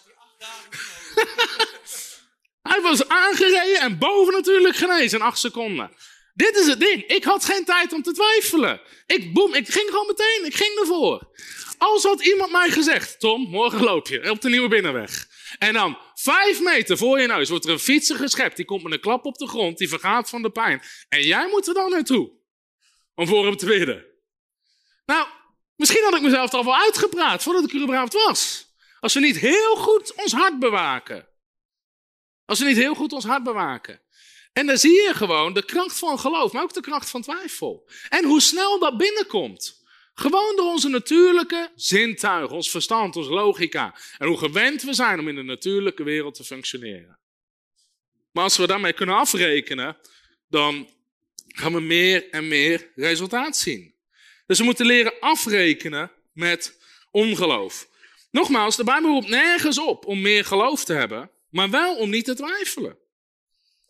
Volgens mij, ik heb het niet nageteld, maar ik heb wel eens gehoord dat er 365 keer in de Bijbel staat: wees niet bang. En geen zorgen te maken. Nou, dus wij moeten leren om af te rekenen met ongeloof. Nou, ongeloof. Ongeloof kan in. Even grofweg, in drie vormen kan ongeloof komen. Of ja, los van hiervan. De eerste vorm van ongeloof is onwetendheid. Is onwetendheid. Hosea 4, vers 6, daar staat: Mijn volk gaat ten gronde door een gebrek aan kennis. Het is heel simpel: geloof begint waar de wil van God bekend is. Dus als jij niks weet ergens over, kan je onmogelijk geloof hebben. Als je geen kennis hebt van genezing, kan je geen geloof hebben voor genezing. Hetzelfde geldt voor autoriteit, identiteit in Christus, bevrijding, voorziening. Maakt niet uit welk thema van de Bijbel. Als je het niet weet, kan je er geen geloof voor hebben. Dus dat is een vorm van ongeloof. Nou, deze vorm van ongeloof is heel makkelijk te onderscheiden.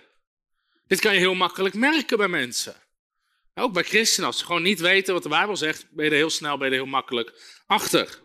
Een andere vorm van ongeloof is verkeerd geloven.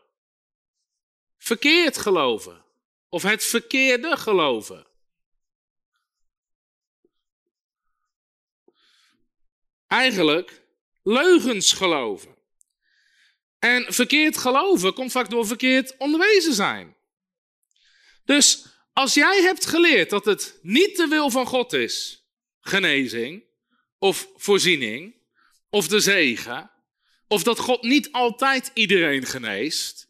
En soms met een hele hoop religieuze dingen erbij, zoals Job en Paulus zijn doren in het vlees. En Paulus liet Trimo, uh, tri, hoe heet hij ook alweer? Die, tri, ja, dankjewel. Hij liet Trofimus, liet hij ziek achter in Mileten. Ik corrigeer hem toch weer. liet hij ziek achter. En al die dingen. Of wonderen waren voor vroeger. En de gaven van de geest zijn niet meer voor vandaag. En terwijl, als je verkeerd gelooft. Of, en heel veel christenen geloven het verkeerde bijvoorbeeld over financiën. Dat God wil dat je arm bent. Dat God wil dat je maar net genoeg hebt. En dat al die dingen meer. Nou, verkeerd geloven kan je ook nooit geloof hebben voor je wonder. Kan je nooit geloof hebben voor je wonder. Dat is verkeerd geloven. Nou, dit soort dingen en zelfs met deze twee kan soms lang duren om mee af te rekenen. Ik kom zelf uit een traditionele achtergrond. Alleen, ik had hele lieve ouders, zat ook in een kerk met hele lieve mensen, hele lieve dominees. En naar mijn weten werd er überhaupt niet echt iets gezegd over ziekte, de wil van God of niet, of al die dingen meer. Dus het was niet dat daar. In sommige kerken wordt altijd gepreekt dat ziekte van God komt. En trouwens, sowieso, iedereen die beleidenis doet, erkent. Die zegt, ik ontvang ziekte en gezondheid uit de hand van God. Sommige mensen moeten een beleidenis gaan cancelen. Want je zegt dat je instemt. Met de geloofsbeleidenis en al die zondagen. En daar staat in, ziekte en gezondheid ontvang ik uit de hand van God. Ik niet. Gezondheid ontvang ik uit de hand van God, maar ziekte is van de duivel en heeft geen recht in mijn leven. Amen. Ik heb er wel eens een preek over gehouden, maar dat viel niet lekker.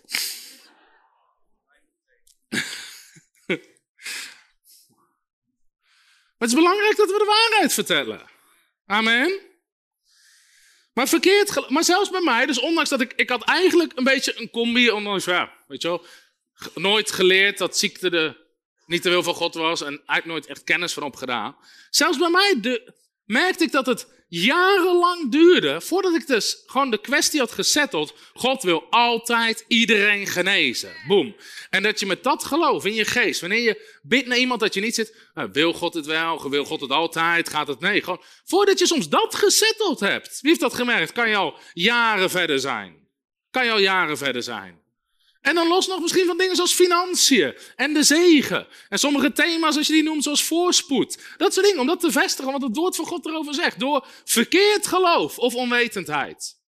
Kan soms al lang duren voordat dat uit mensen is. Voordat dat uit mensen is.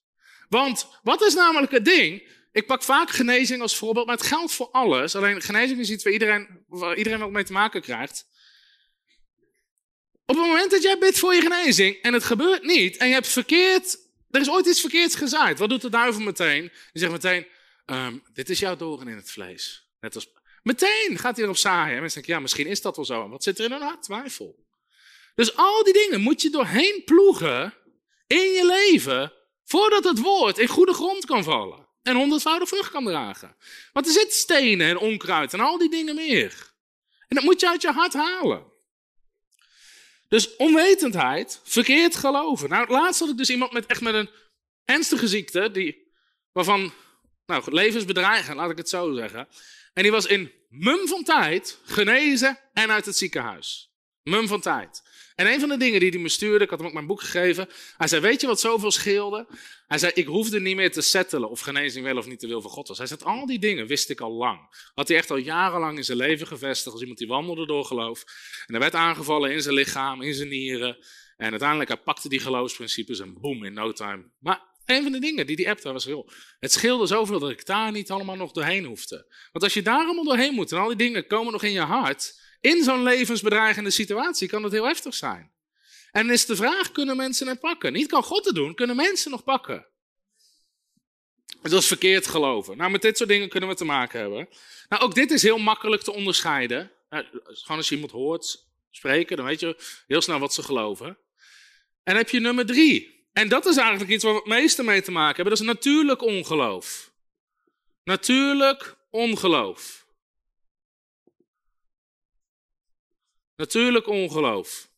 En wat bedoel ik daarmee? Dit komt gewoon door je natuurlijke zintuigen. Je natuurlijke zintuigen.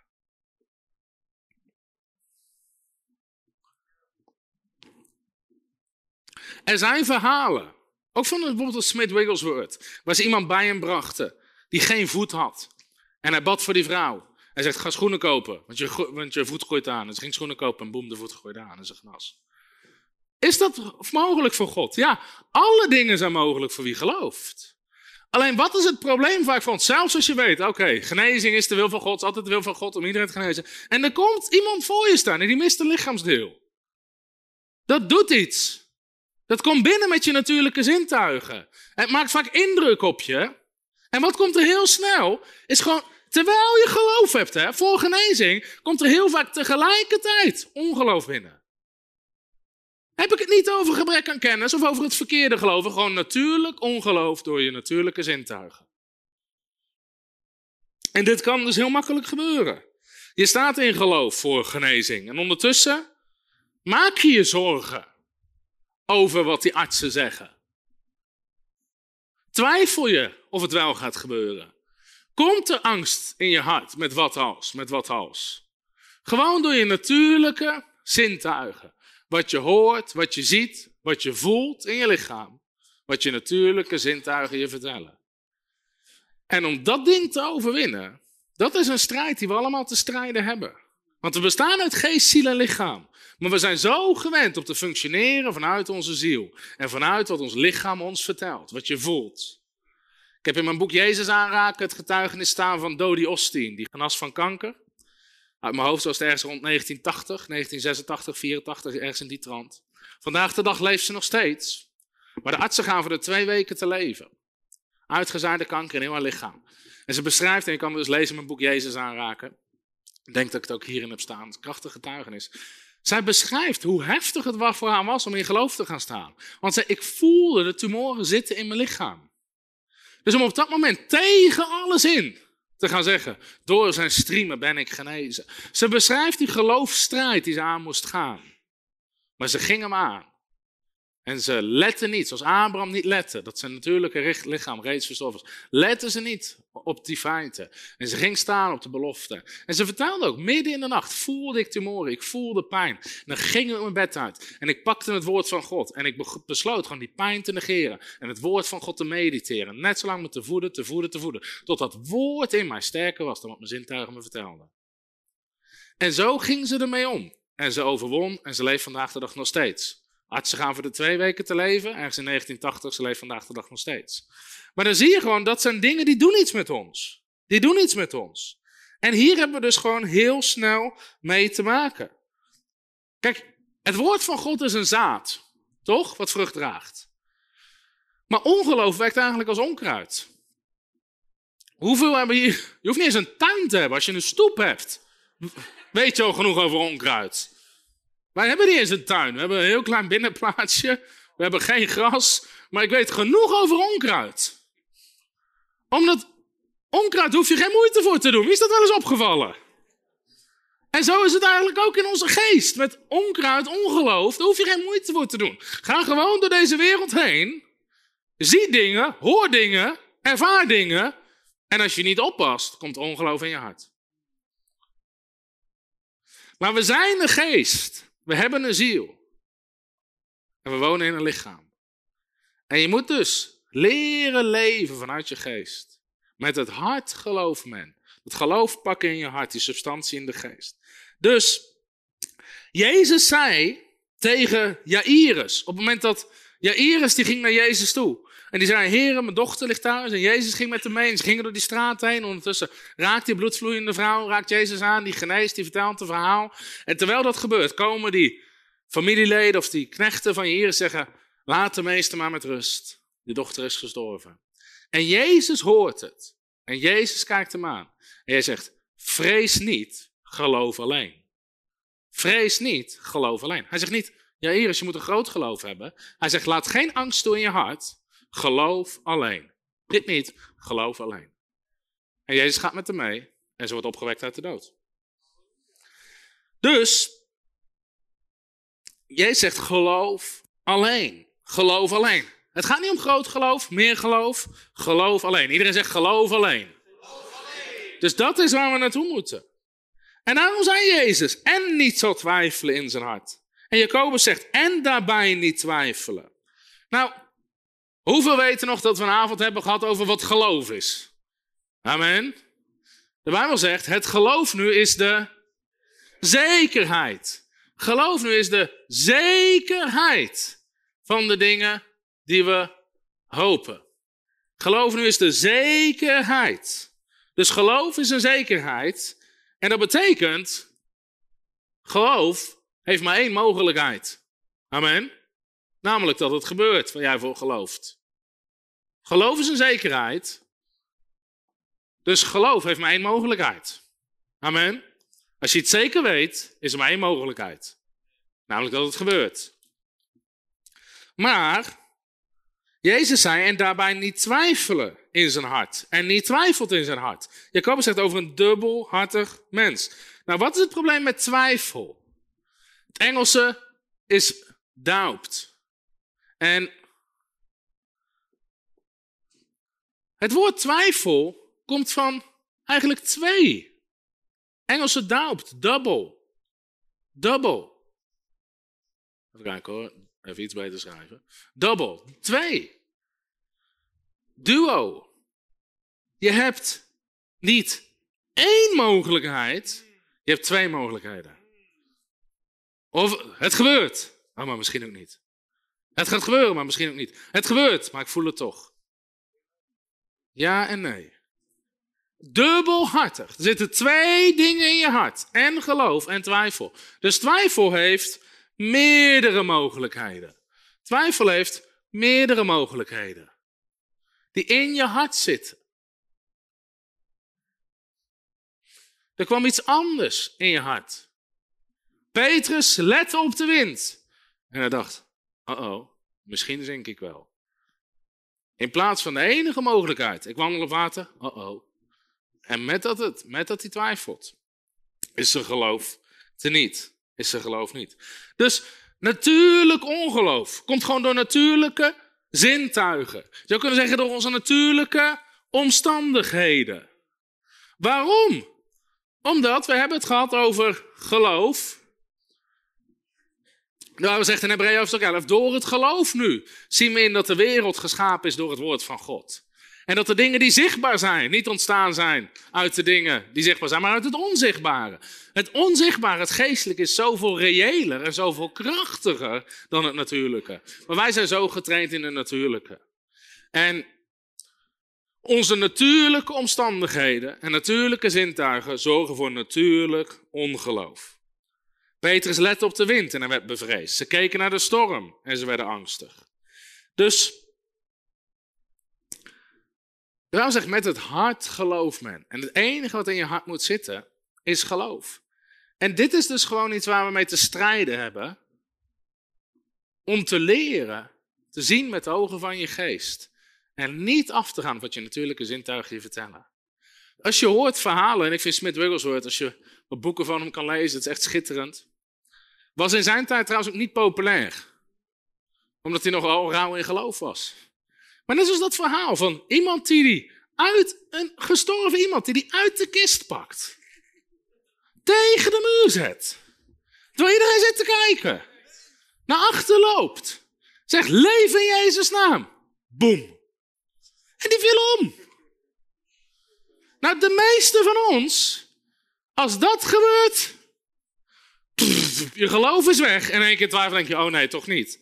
Smit het. Nee hoor, nog een keer. Hij liet die natuurlijke omstandigheden, liet hij gewoon niet zijn geloof beïnvloeden. Hij deed gewoon nog een keer. Boom, zakte weer in elkaar. Hij werd gewoon boos. Hij zei, ik zei, leef in Jezus naam. Boom, die persoon komt tot leven. Hij liet natuurlijke omstandigheden niet zijn geloof beïnvloeden. Hij liet geen ongeloof, hij weigerde het gewoon niet te geloven. Is een ander, ik hoop niet dat mensen hem nagaan doen als je niet het geloof ervoor hebt. Soms zeggen mensen ook, want er zijn verhalen ook, dat Smith Wigglesworth, iemand met kanker sloeg, iemand had kanker in zijn maag. En hij sloeg die persoon in zijn maag. En die persoon die kotste die tumor uit en die was totaal genezen. Jezus deed soms vreemde dingen. Amen, met spuug en met modder. Als iemand vroegen ze mij, als je ziek bent, weet je, wat als ik op je hart heb om met spuug voor je te bidden? Ik zeg, dat is goed, als ik genees. Maar als ik niet genees, ben je van mij.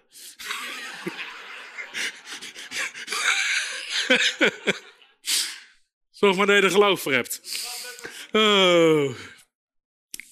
Maar verhaal van Smith Wigglesworth was een doodzieke vrouw. Echt letterlijk doodziek. Met kanker in haar hele lichaam. En dan, wat Smith Wigglesworth vaak deed, is dat hij in een dienst riep hij. De eerste die op het podium komt geneest. Maakt niet uit wat hij heeft. En die vrouw, die wist dat. Dus die had twee vriendinnen meegenomen. Dat zegt, zodra hij dat zegt, gaan wij. Dus maar die vrouw kon niet eens zelf staan. Die moest vastgehouden worden door twee mensen. Vastgehouden. Dus die tillen haar het podium op met z'n tweeën. En Smith Wigglesworth kijkt naar haar en zegt, laat haar los. En zeggen, maar ze kan niet lopen. Hij zegt, laat haar los. Ze haar los. Boem, valt op de grond. Hij zegt, pak erop. Dus zij pakt er weer op. Hij zegt, laat haar los. En die vrouw zegt, we laten er niet los. Ze is net gevallen, straks sterft ze. Die vrouw zat op de laatste adem. Hij zei, laat haar los. En ze, laat, ze zegt, zeker, laat haar los. Boem, ze valt weer op de grond. Hij zegt, pak erop. En op een gegeven moment roept er een man uit de zaal. Hufter, wat denken we niet dat je aan het doen bent? Hij zegt, ik doe mijn ding en jij doet jouw ding. Bemoei je er niet mee. Zo reageerde hij gewoon op. Hij zegt, pak erop. Zij pakt er weer op. Laat er los. En ze liet er los. En boem, de kracht van God valt en ze geneest totaal.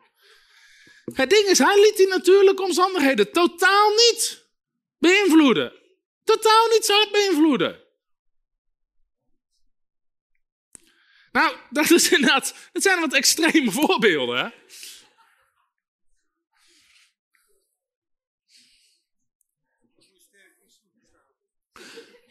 Maar mijn punt is, dat natuurlijk ongeloof, dat komt zo snel binnen. We moeten gewoon leren om dat te negeren.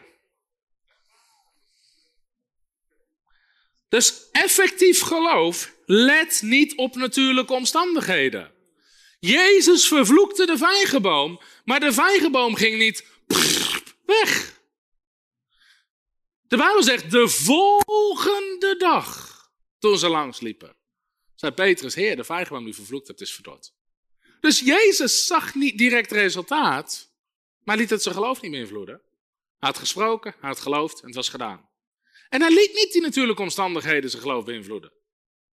Hij lette niet op de natuurlijke omstandigheden. Dus wat wij moeten leren is ook gewoon ten eerste onderscheiden. Wat zit er in je hart? Want wat doen vaak mensen? Oh, nou uh, gaat mis met groot Nederlands. Onderscheiden. Onderscheiden. Wat zit er in ons hart? Leren we iets? Worden we gezegend hierdoor? Oké. Ga even mee naar Spreuken 16, vers 32.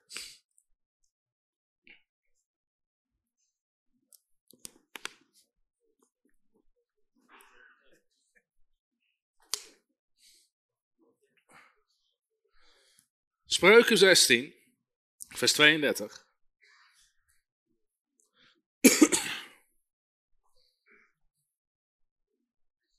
Prijs de Heer. En daarna gaan we Spreuken 20, vers 27 lezen. Maar in Spreuken 16 staat: Een geduldig man is beter dan een dappere held. Wie zijn geest beheerst, is beter. Of anders zegt, is sterker dan wie een stad inneemt. Wie zijn geest kan beheersen. Wat er komt, wat er gebeurt in je geestelijke mens. Spreuken 20, vers 27 zegt dit. De geest van een mens is een lamp, en anders zegt, is de lamp van de Heer.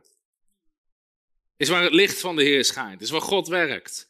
Die alle schuilhoeken van zijn binnenste doorzoekt. Nou, dit spreekt, deze twee teksten wil ik nu niet te diep op ingaan, maar het spreekt over mensen die hun geest beheersen. Spreekt over je binnenste die doorzocht worden. Omdat het licht van God erop schijnt. Wat wij moeten doen, is we moeten leren ook te onderscheiden wat zit er in ons hart. Wat gebeurt er vaak? Mensen gaan niet onderscheiden, ze gaan overschreeuwen. Ze denken, hoe harder ik roep, hoe harder ik geloof, ik moet meer geloof hebben, ik moet groter geloof hebben. En ze beginnen meer hun best te doen. En ze beginnen harder te werken. En als ik maar hard genoeg preek en proclameer en al die dingen meer. En ondertussen zit er een parasiet, ongeloof. Dus we moeten onderscheiden in plaats van overschreeuwen. En eerlijk zijn naar onszelf. Eerlijk zijn naar onszelf. Daarom nogmaals, zodra mensen extreem als het ware gewoon bij de fake iets beginnen te overschreeuwen, te overdreven. Als denken hoe harder, hoe meer, is het niet vanuit geloof. Is het vanuit werk, is het vanuit vlees. Want geloof is een rust. Geloof is een zekerheid. Geloof functioneert vanuit rust. Dus we moeten leren te onderscheiden. We moeten leren om te zien wat zit er, wat werkt er in onze geest. En dan kan je soms eerlijk zijn. En dan kan je die twijfels kan je erkennen. Of die zorgen, of die angst. En dan kan je daar specifiek mee gaan dealen. En hoe deal je daarmee? Wel door het woord van God. Door hier het woord van God tegenover te zetten. Dus. Een voorbeeld uit mijn eigen leven is toen wij. Femke zat in Engeland, Bijbelschool. Ik zat in Nederland. En we wisten, God roept ons voltijd de bediening in nadat we getrouwd zijn. En we hadden geen inkomen, we hadden ook geen geld. Ik, ik studeerde op HBO, ik was ondertussen jeugdleider, ik leefde uit geloof. Femke zat in Engeland, had daar al aan geld, aan huur, eten, bijbelschool. En leefde ook uit geloof, ze hadden allebei geen inkomen. En we besloten God te gaan geloven voor, als ze terugkwam, dat we een huis hadden, inboedel hadden, dat we zouden kunnen trouwen, bruiloft konden doen en dat we de bediening in konden. Nou, wat we hadden op dat moment was 150 euro. Ik weet niet wie hier allemaal getrouwd is, maar tegenwoordig voor 150 euro heb je geen bruiloft, appartement, ingericht. Voor 150 euro heb je vandaag gedacht de benzine om er naartoe te rijden. Sowieso, als het woordje trouw voor staat, is het 100 keer zo duur. Amen?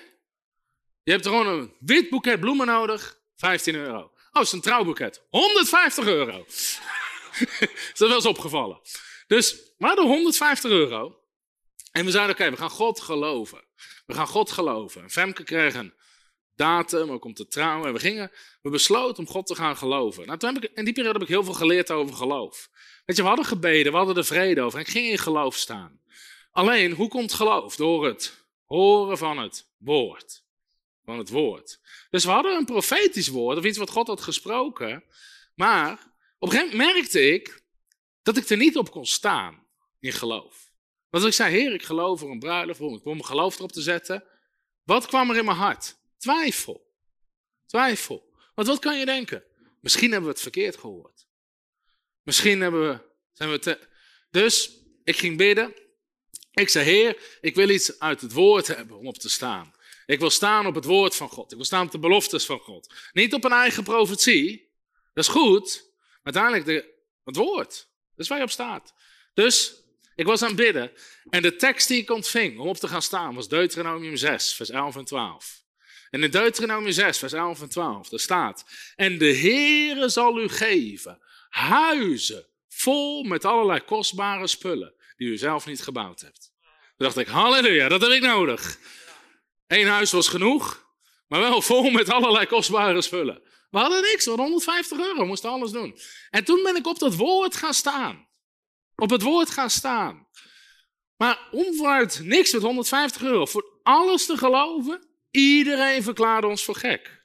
Iedereen verklaarde ons voor gek. Op een gegeven moment had ik van die 150 euro. Op een gegeven moment kreeg ik iets geld van iemand. En toen kocht ik een verlovingsring.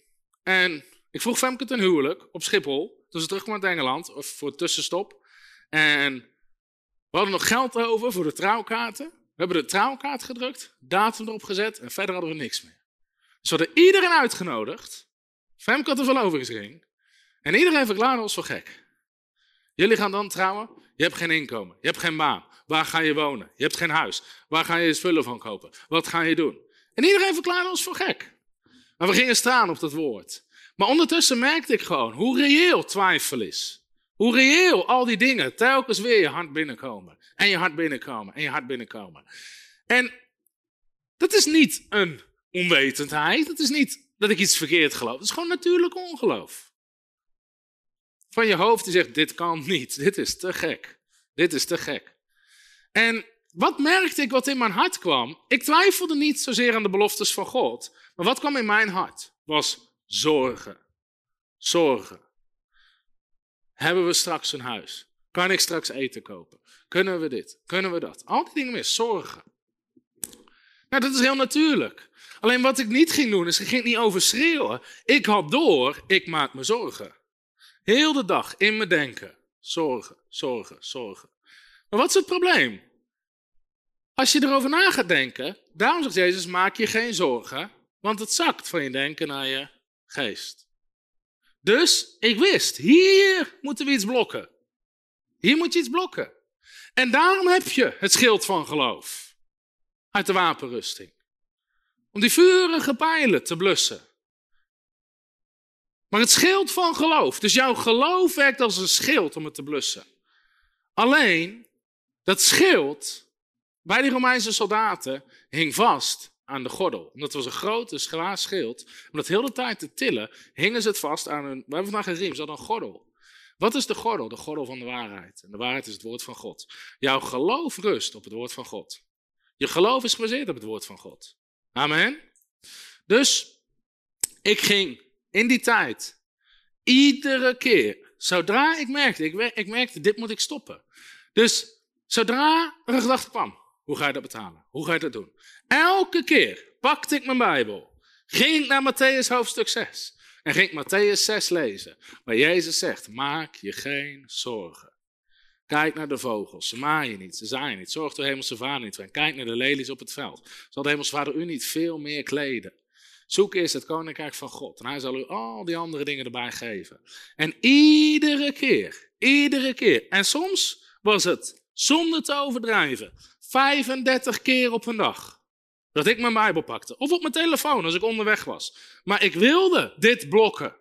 Ik wilde dit blokken.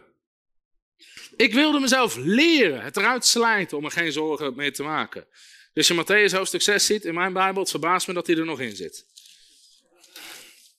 Ik dacht dat ik hem eruit gesleten had. Maar iedere keer ging ik naar maak u geen zorgen. Maak u geen zorgen. Maak u geen zorgen. En je begint gewoon te voeden op het woord. En je begint dat ding wat jou aanvalt, begin jij aan te vallen. Die zorgen. Hoe? Met het woord van God. Want geloof komt door het horen van het woord van God. En het is het schild van geloof.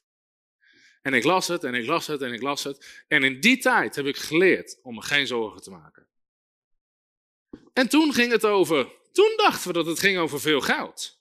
Om een huurhuis en een bruiloft. En, God boven natuurlijk voorzag in alles. Voorzag in alles. Op een gegeven moment was Casper die belde me en die zei: hey, er zijn hier een paar nieuwe appartementen. Misschien is dat iets voor jullie. En ik wist, boem, dat is voor ons. Dus ik belde die eigenaar op. Ik zeg: hey, ik wil zo'n appartement huren. En hij zei: Je maakt geen schijn van kans. Er zijn, weet ik veel, hoeveel anderen. Je staat onderaan de lijst. En ik zei: Zet me erop. En hij zei: Heeft geen zin. Ik zeg: Zet me erop. Drie weken later belde hij op. Hij zegt: Ik snap er niks van. Je staat bovenaan de lijst. Hij zegt, alle anderen hebben één keer of hun baan is niet doorgaan, ze hebben geen inkomen, of ze hebben een ander huis, of ze hebben dit, of ze hebben dat, of ze stonden bovenaan de lijst. En ik zette mijn handtekening onder het huurcontract, zonder dat we geld hadden. Oké, we gaan dit huren. En weet je, we begonnen stappen te zetten in geloof. En we kregen vrienden van ons, die gingen de zending in, gaan naar het buitenland. En die belden op. Wij gaan de zending in. Bij ons huis moet helemaal leeg. Hebben jullie een inboedel nodig? Ja, en we kregen een hele inboedel. Kregen we. En uiteindelijk, God begon in alles te voorzien. Dus, dus mensen vragen, hoeveel heb je nodig om te trouwen en voltijd de bediening ingaan? 150 euro en geloof. Amen. Maar in die tijd, het was een strijd. Maar ik heb geleerd om me geen zorgen te maken. En toen ging het dus over een paar honderd of een paar duizend euro. Je, op een gegeven moment vroeg tijdens de bruiloft, vroeg de ceremoniemeester, van uh, straks moeten we de cateraar afrekenen, als die alles op komt halen. Waar is het geld? Ik zeg, in de enveloppen die iedereen heeft gegeven vandaag. Daar is het geld. Zie je, God voorzag op de bruiloft. Amen. Zeg, als je niet kan betalen, trek die dingen open en betaal het. Halleluja. En zo hebben we het gedaan. En in die tijd heb ik me geleerd om geen zorgen te maken. En toen ging het over duizenden euro's. En nu soms doen we projecten van honderdduizenden euro's. Waar we, boem, honderdduizend boeken drukken, honderdduizend boeken drukken. Gebouw kopen, dat soort dingen. Pers mensen aannemen voor een voltijdschool. We zijn nu bezig met die voltijd bijbelschool. Waar we gewoon een team op hebben zitten van meerdere voltijdkrachten. Die we moeten betalen. Anderhalf, twee jaar voordat die school überhaupt start. Om dat allemaal op te bouwen, et cetera. Weet je, ik heb toen geleerd om me geen zorgen te maken. Over een paar honderd of een paar duizend euro. En nu kan ik me geen zorgen maken over een paar honderdduizend of een miljoen of wat dan ook. Maak je geen zorgen. Maak je geen zorgen. Zoek is het koninkrijk. Maar ik heb het eruit moeten slijten. Ik heb het eruit moeten slijten. En daarvoor moet je dus onderscheiden. Wat zit er in je hart? En dat aanpakken. In plaats van het overschreeuwen. Romeinen hoofdstuk 4, mag je even opzoeken. Romein hoofdstuk 4. Ik wil nog een paar dingen delen en dan gaan we afsluiten.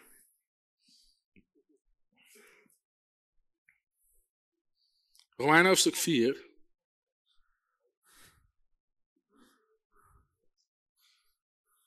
Vanaf vers 17.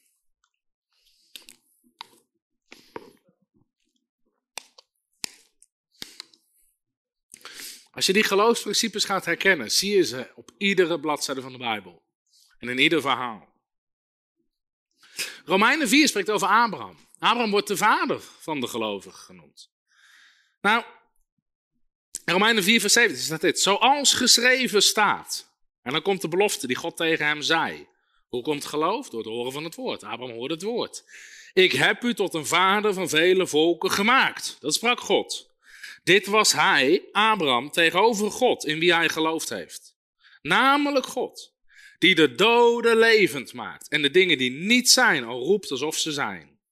En hij, Abraham, heeft tegen alles in, tegen alles in, gehoopt en geloofd dat hij een vader voor vele volken zou worden. Hoe kwam hij aan dat geloof? Overeenkomstig wat gezegd was. Zo zal uw nageslacht zijn. En niet verzwakt in het geloof. Heeft hij er niet op gelet dat zijn eigen lichaam reeds verstorven was? Hij liet die natuurlijke omstandigheden en zijn natuurlijke zintuigen, liet hij niet het ongeloof in zijn hart komen. Hij heeft er niet op gelet dat zijn eigen lichaam reeds verstorven was. Hij was. Hij was ongeveer 100 jaar oud. En dat ook de moederschoot van Sarah verstorven was. En hij heeft aan de belofte van God niet getwijfeld door ongeloof. Zie je dat? Niet getwijfeld door ongeloof. Hij heeft aan de belofte van God niet getwijfeld door ongeloof, maar werd gesterkt in het geloof, terwijl hij God de eer gaf. Hij werd gesterkt in het geloof, terwijl hij God de eer gaf. Mijn ervaring is ook, als dingen niet snel gebeuren, maar je gaat gewoon staan op de belofte, je wordt gesterkt in je geloof. In plaats van dat je geloof zwakker wordt omdat het niet gebeurt, wordt je geloof sterker. Want je blijft je voeden met het woord en met het woord en met het woord. En je let niet op de natuurlijke omstandigheden. En die substantie in je geest wordt alleen maar sterker en sterker en sterker. Maar er staat, hij heeft aan de belofte van God niet getwijfeld door ongeloof. En hij lette niet op zijn eigen lichaam. Maar hij hield zijn ogen gericht op de belofte. Zo mooi. Weet je, onze natuurlijke zintuigen vertellen ons natuurlijke feiten. Maar ons geestelijke zintuig, ons geloof, voeden we met het woord van God. Voeden met het woord van God. Je houdt je ogen gericht op de belofte. Elke keer weer. En je leest het weer. Je plant het in je geest. Net zo lang, nogmaals, dat die substantie in je geest zoveel sterker is dan wat je ogen zien. Dat het niet uitmaakt wat je ogen zien, wat je oren horen, wat mensen zeggen. Maar dat je weet, dat je weet, dat je weet, dat je weet, dat je weet, dat je weet, dat je weet. Amen. Ongeacht wat mensen zeggen, vinden of denken. Je let niet op je eigen omstandigheden. En dat is hoe je afrekent met ongeloof. Hoe je afrekent met ongeloof. Dus daarom moet je die dingen herkennen. Wat ik de vorige keer vertelde, het getuigenis, dat ik in geloof wilde gaan staan voor een blessure. En dat de duivel meteen zegt, maar het werkt niet voor blessures. Er staat dat hij je ziektes heeft gedaan, maar dit is geen ziekte. Dit heb je zelf gedaan door te sporten.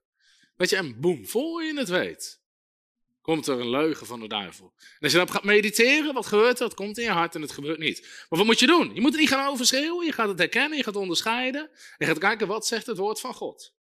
En toen kwam ik erachter dat hij ook onze smart had gedragen. Ik wist nog niet wat het was. En toen kwam ik erachter dat hij ook ons leed had gedragen, onze pijn. En met dat boem, ik tackelde dat ongeloof. Pakte het geloof en ik gnas. Dus je moet het herkennen. Je moet het herkennen. Ik weet ook toen ik in geloof ging staan voor dit gebouw, was een behoorlijke uitdaging. Dat we moesten dat andere gebouw uit. En we hadden zes weken om iets anders te vinden. Nou, een woning is nog iets anders dan een bedrijfspand.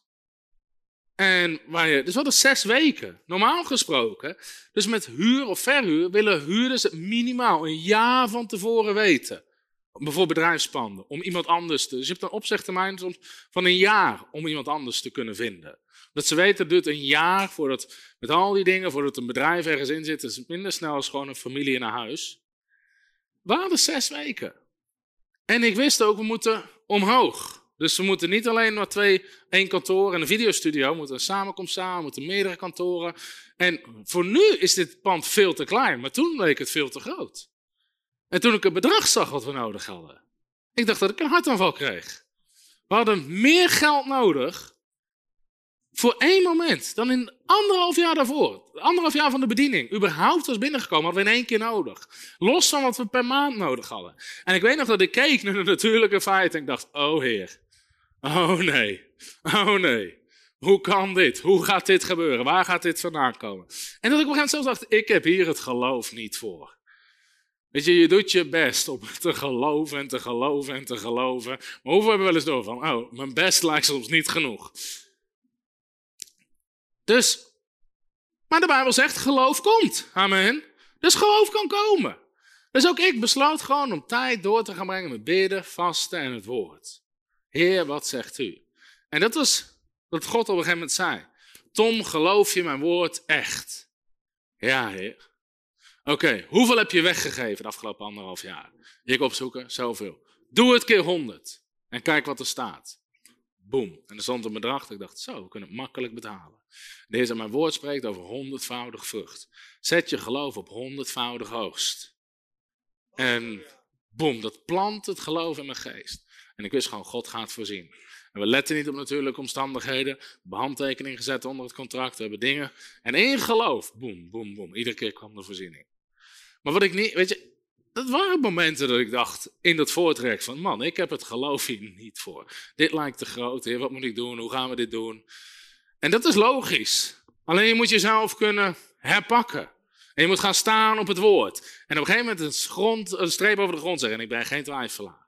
Maar ik ben een gelover. Ik, maak, ik heb geloof. En je zal voeden met de beloftes. Je twijfels, je ongeloof gaan uitbannen. En we gaan staan op het woord, gaan handelen in geloof. En God is een waarmaker van zijn woord. Amen.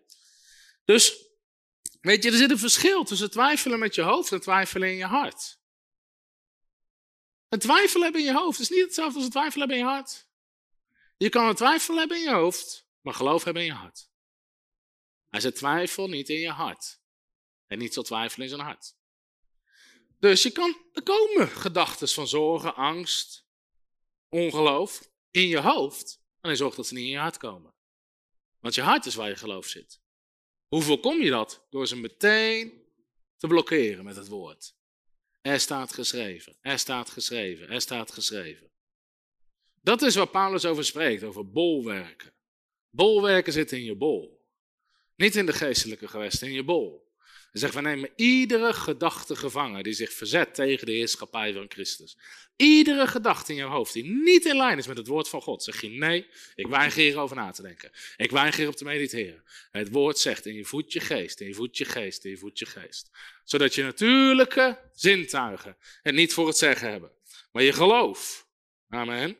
Dat je functioneert vanuit je geloof.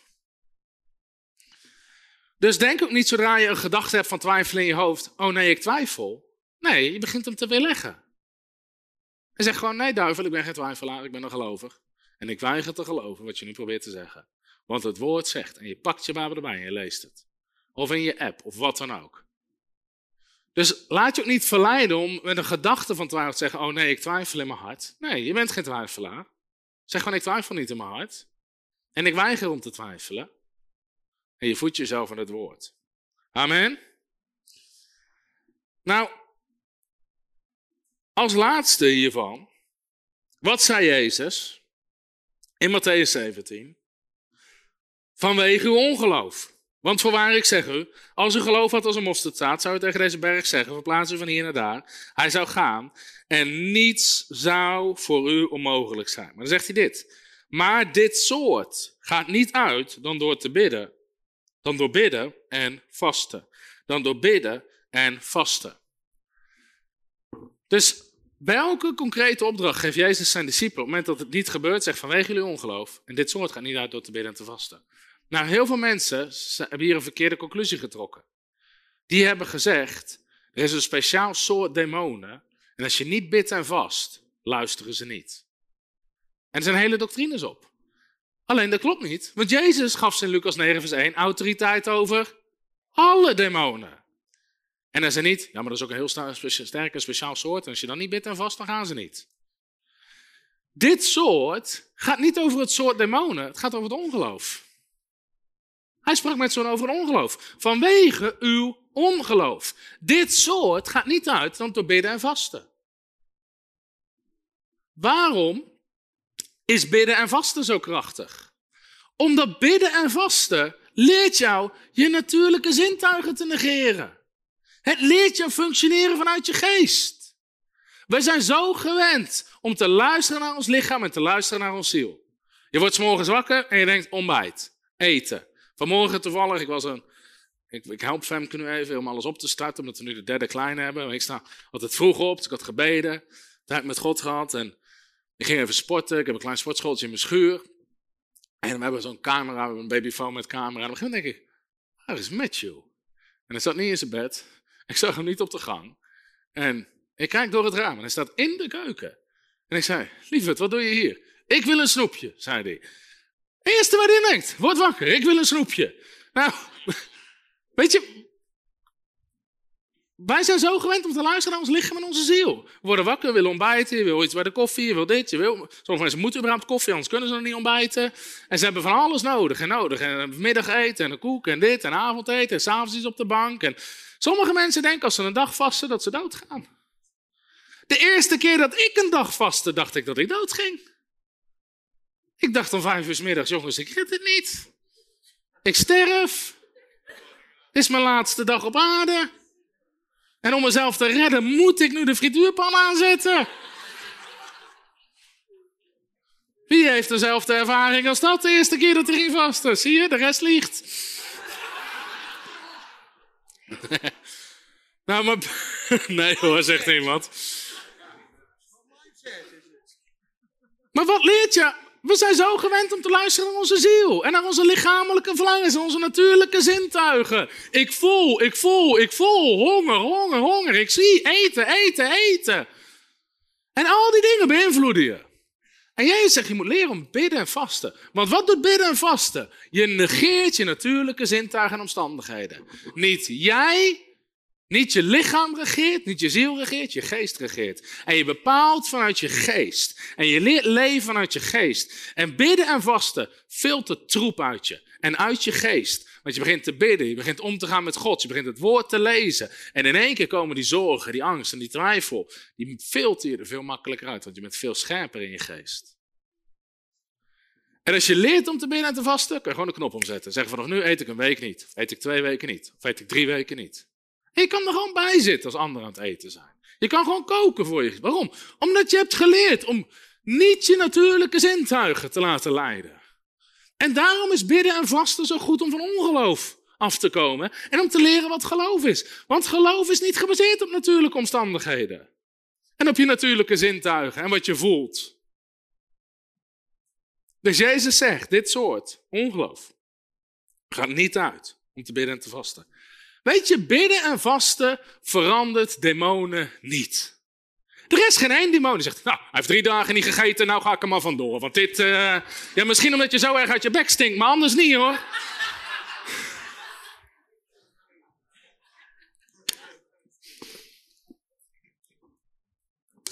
Bidden en vasten verandert demonen niet.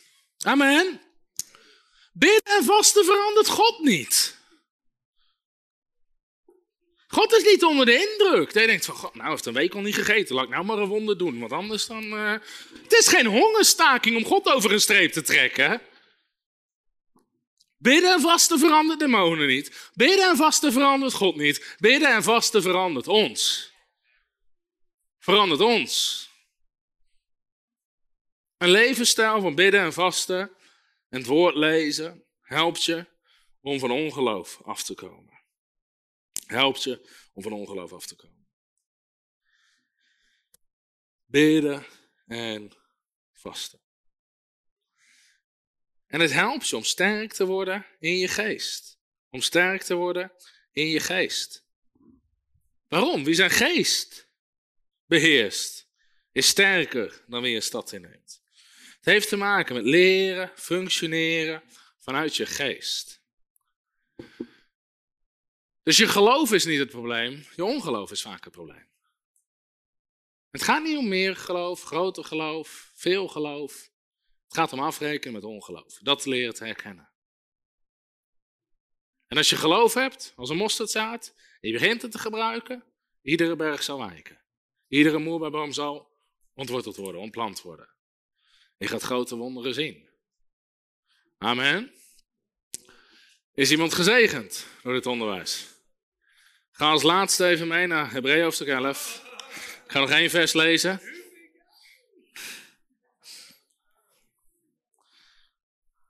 Omdat Prijs de Heer. Halleluja.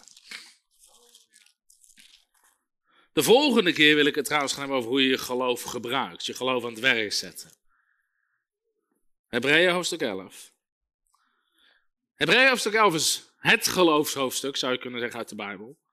Je zou eens in je Bijbel aan moeten vinken, iedere keer dat er staat, door het geloof, door het geloof, door het geloof.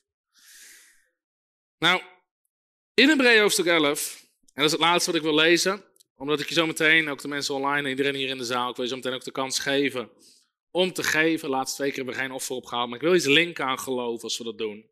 Er staat namelijk dit. Ik vind het zo fascinerend. De eerste persoon die in Hebreeën hoofdstuk 11 de Hall of Fame van geloof wordt genoemd, is Abel. En er staat in vers 4. Door het geloof heeft Abel God een beter offer gebracht dan Kain. Daardoor kreeg hij getuigenis dat hij rechtvaardig was. En dit heeft God met het oog op zijn gave getuigd. En door dit geloof spreekt hij nog, nadat hij gestorven is. De eerste persoon die genoemd wordt in Hebreeën 11 is Abel, die door het geloof een offer gaf. Die door het geloof iets gaf aan God. Als je het gaat lezen in Genesis hoofdstuk 4, wat we nu niet gaan doen, want ik heb gezegd dat ik nog maar één tekst zou lezen, dus ik doe het met mijn hoofd. In Genesis hoofdstuk 4, naar Adam en Eva, lezen we over Kain en Abel. En er staat er dat Kain gaf na verloop van dagen een offer aan de Heer. In andere woorden, hij had zijn inkomsten binnen en na een tijdje dacht hij, nou, ik geef er een offer. Hij wist, dit heb ik over, ik geef hiervan een stukje offer aan de Heer. Maar Abel, zegt de Bijbel, hij gaf van zijn eerstelingen, gaf hij aan de Heer.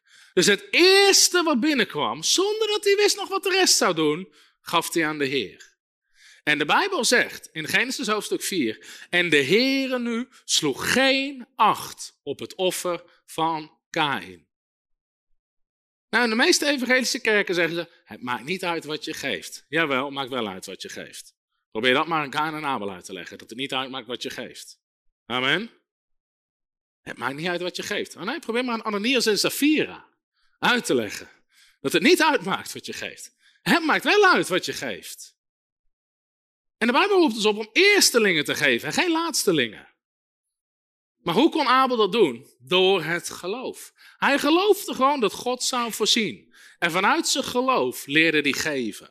En een van de dingen die wij mogen leren in het koninkrijk van God is om te geven vanuit geloof.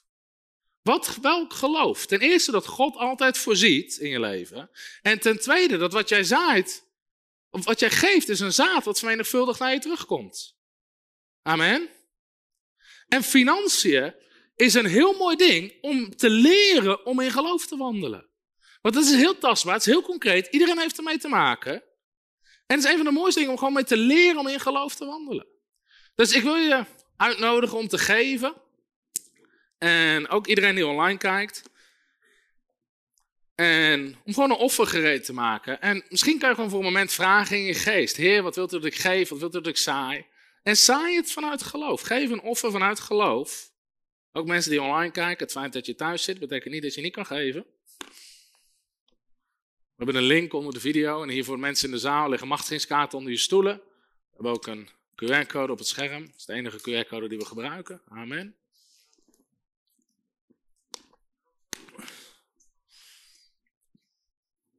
En als je nog geen partner bent, ook iedereen die online kijkt, je geniet van deze Faith School, je wil ons helpen om nog meer mensen te bereiken, nog meer boeken weg te geven, word partner van Frontrunners. We staan in geloof dit jaar voor het dubbel aantal partners van wat we hadden aan het begin van het jaar, om dubbel zoveel te kunnen doen voor het Koninkrijk van God. Dus ook mensen in de zaal, als je nog geen partner bent, wil ik van harte uitnodigen om partner te worden voor een bedrag wat bij jou past maandelijks.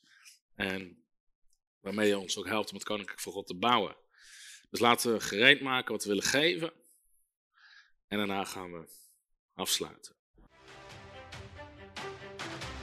Heb je ook zo genoten van deze inspirerende boodschap van Tom de Wal? Abonneer je dan op deze podcast. Volg ons op Facebook en op Instagram en kijk op onze website frontrunnersministries.nl.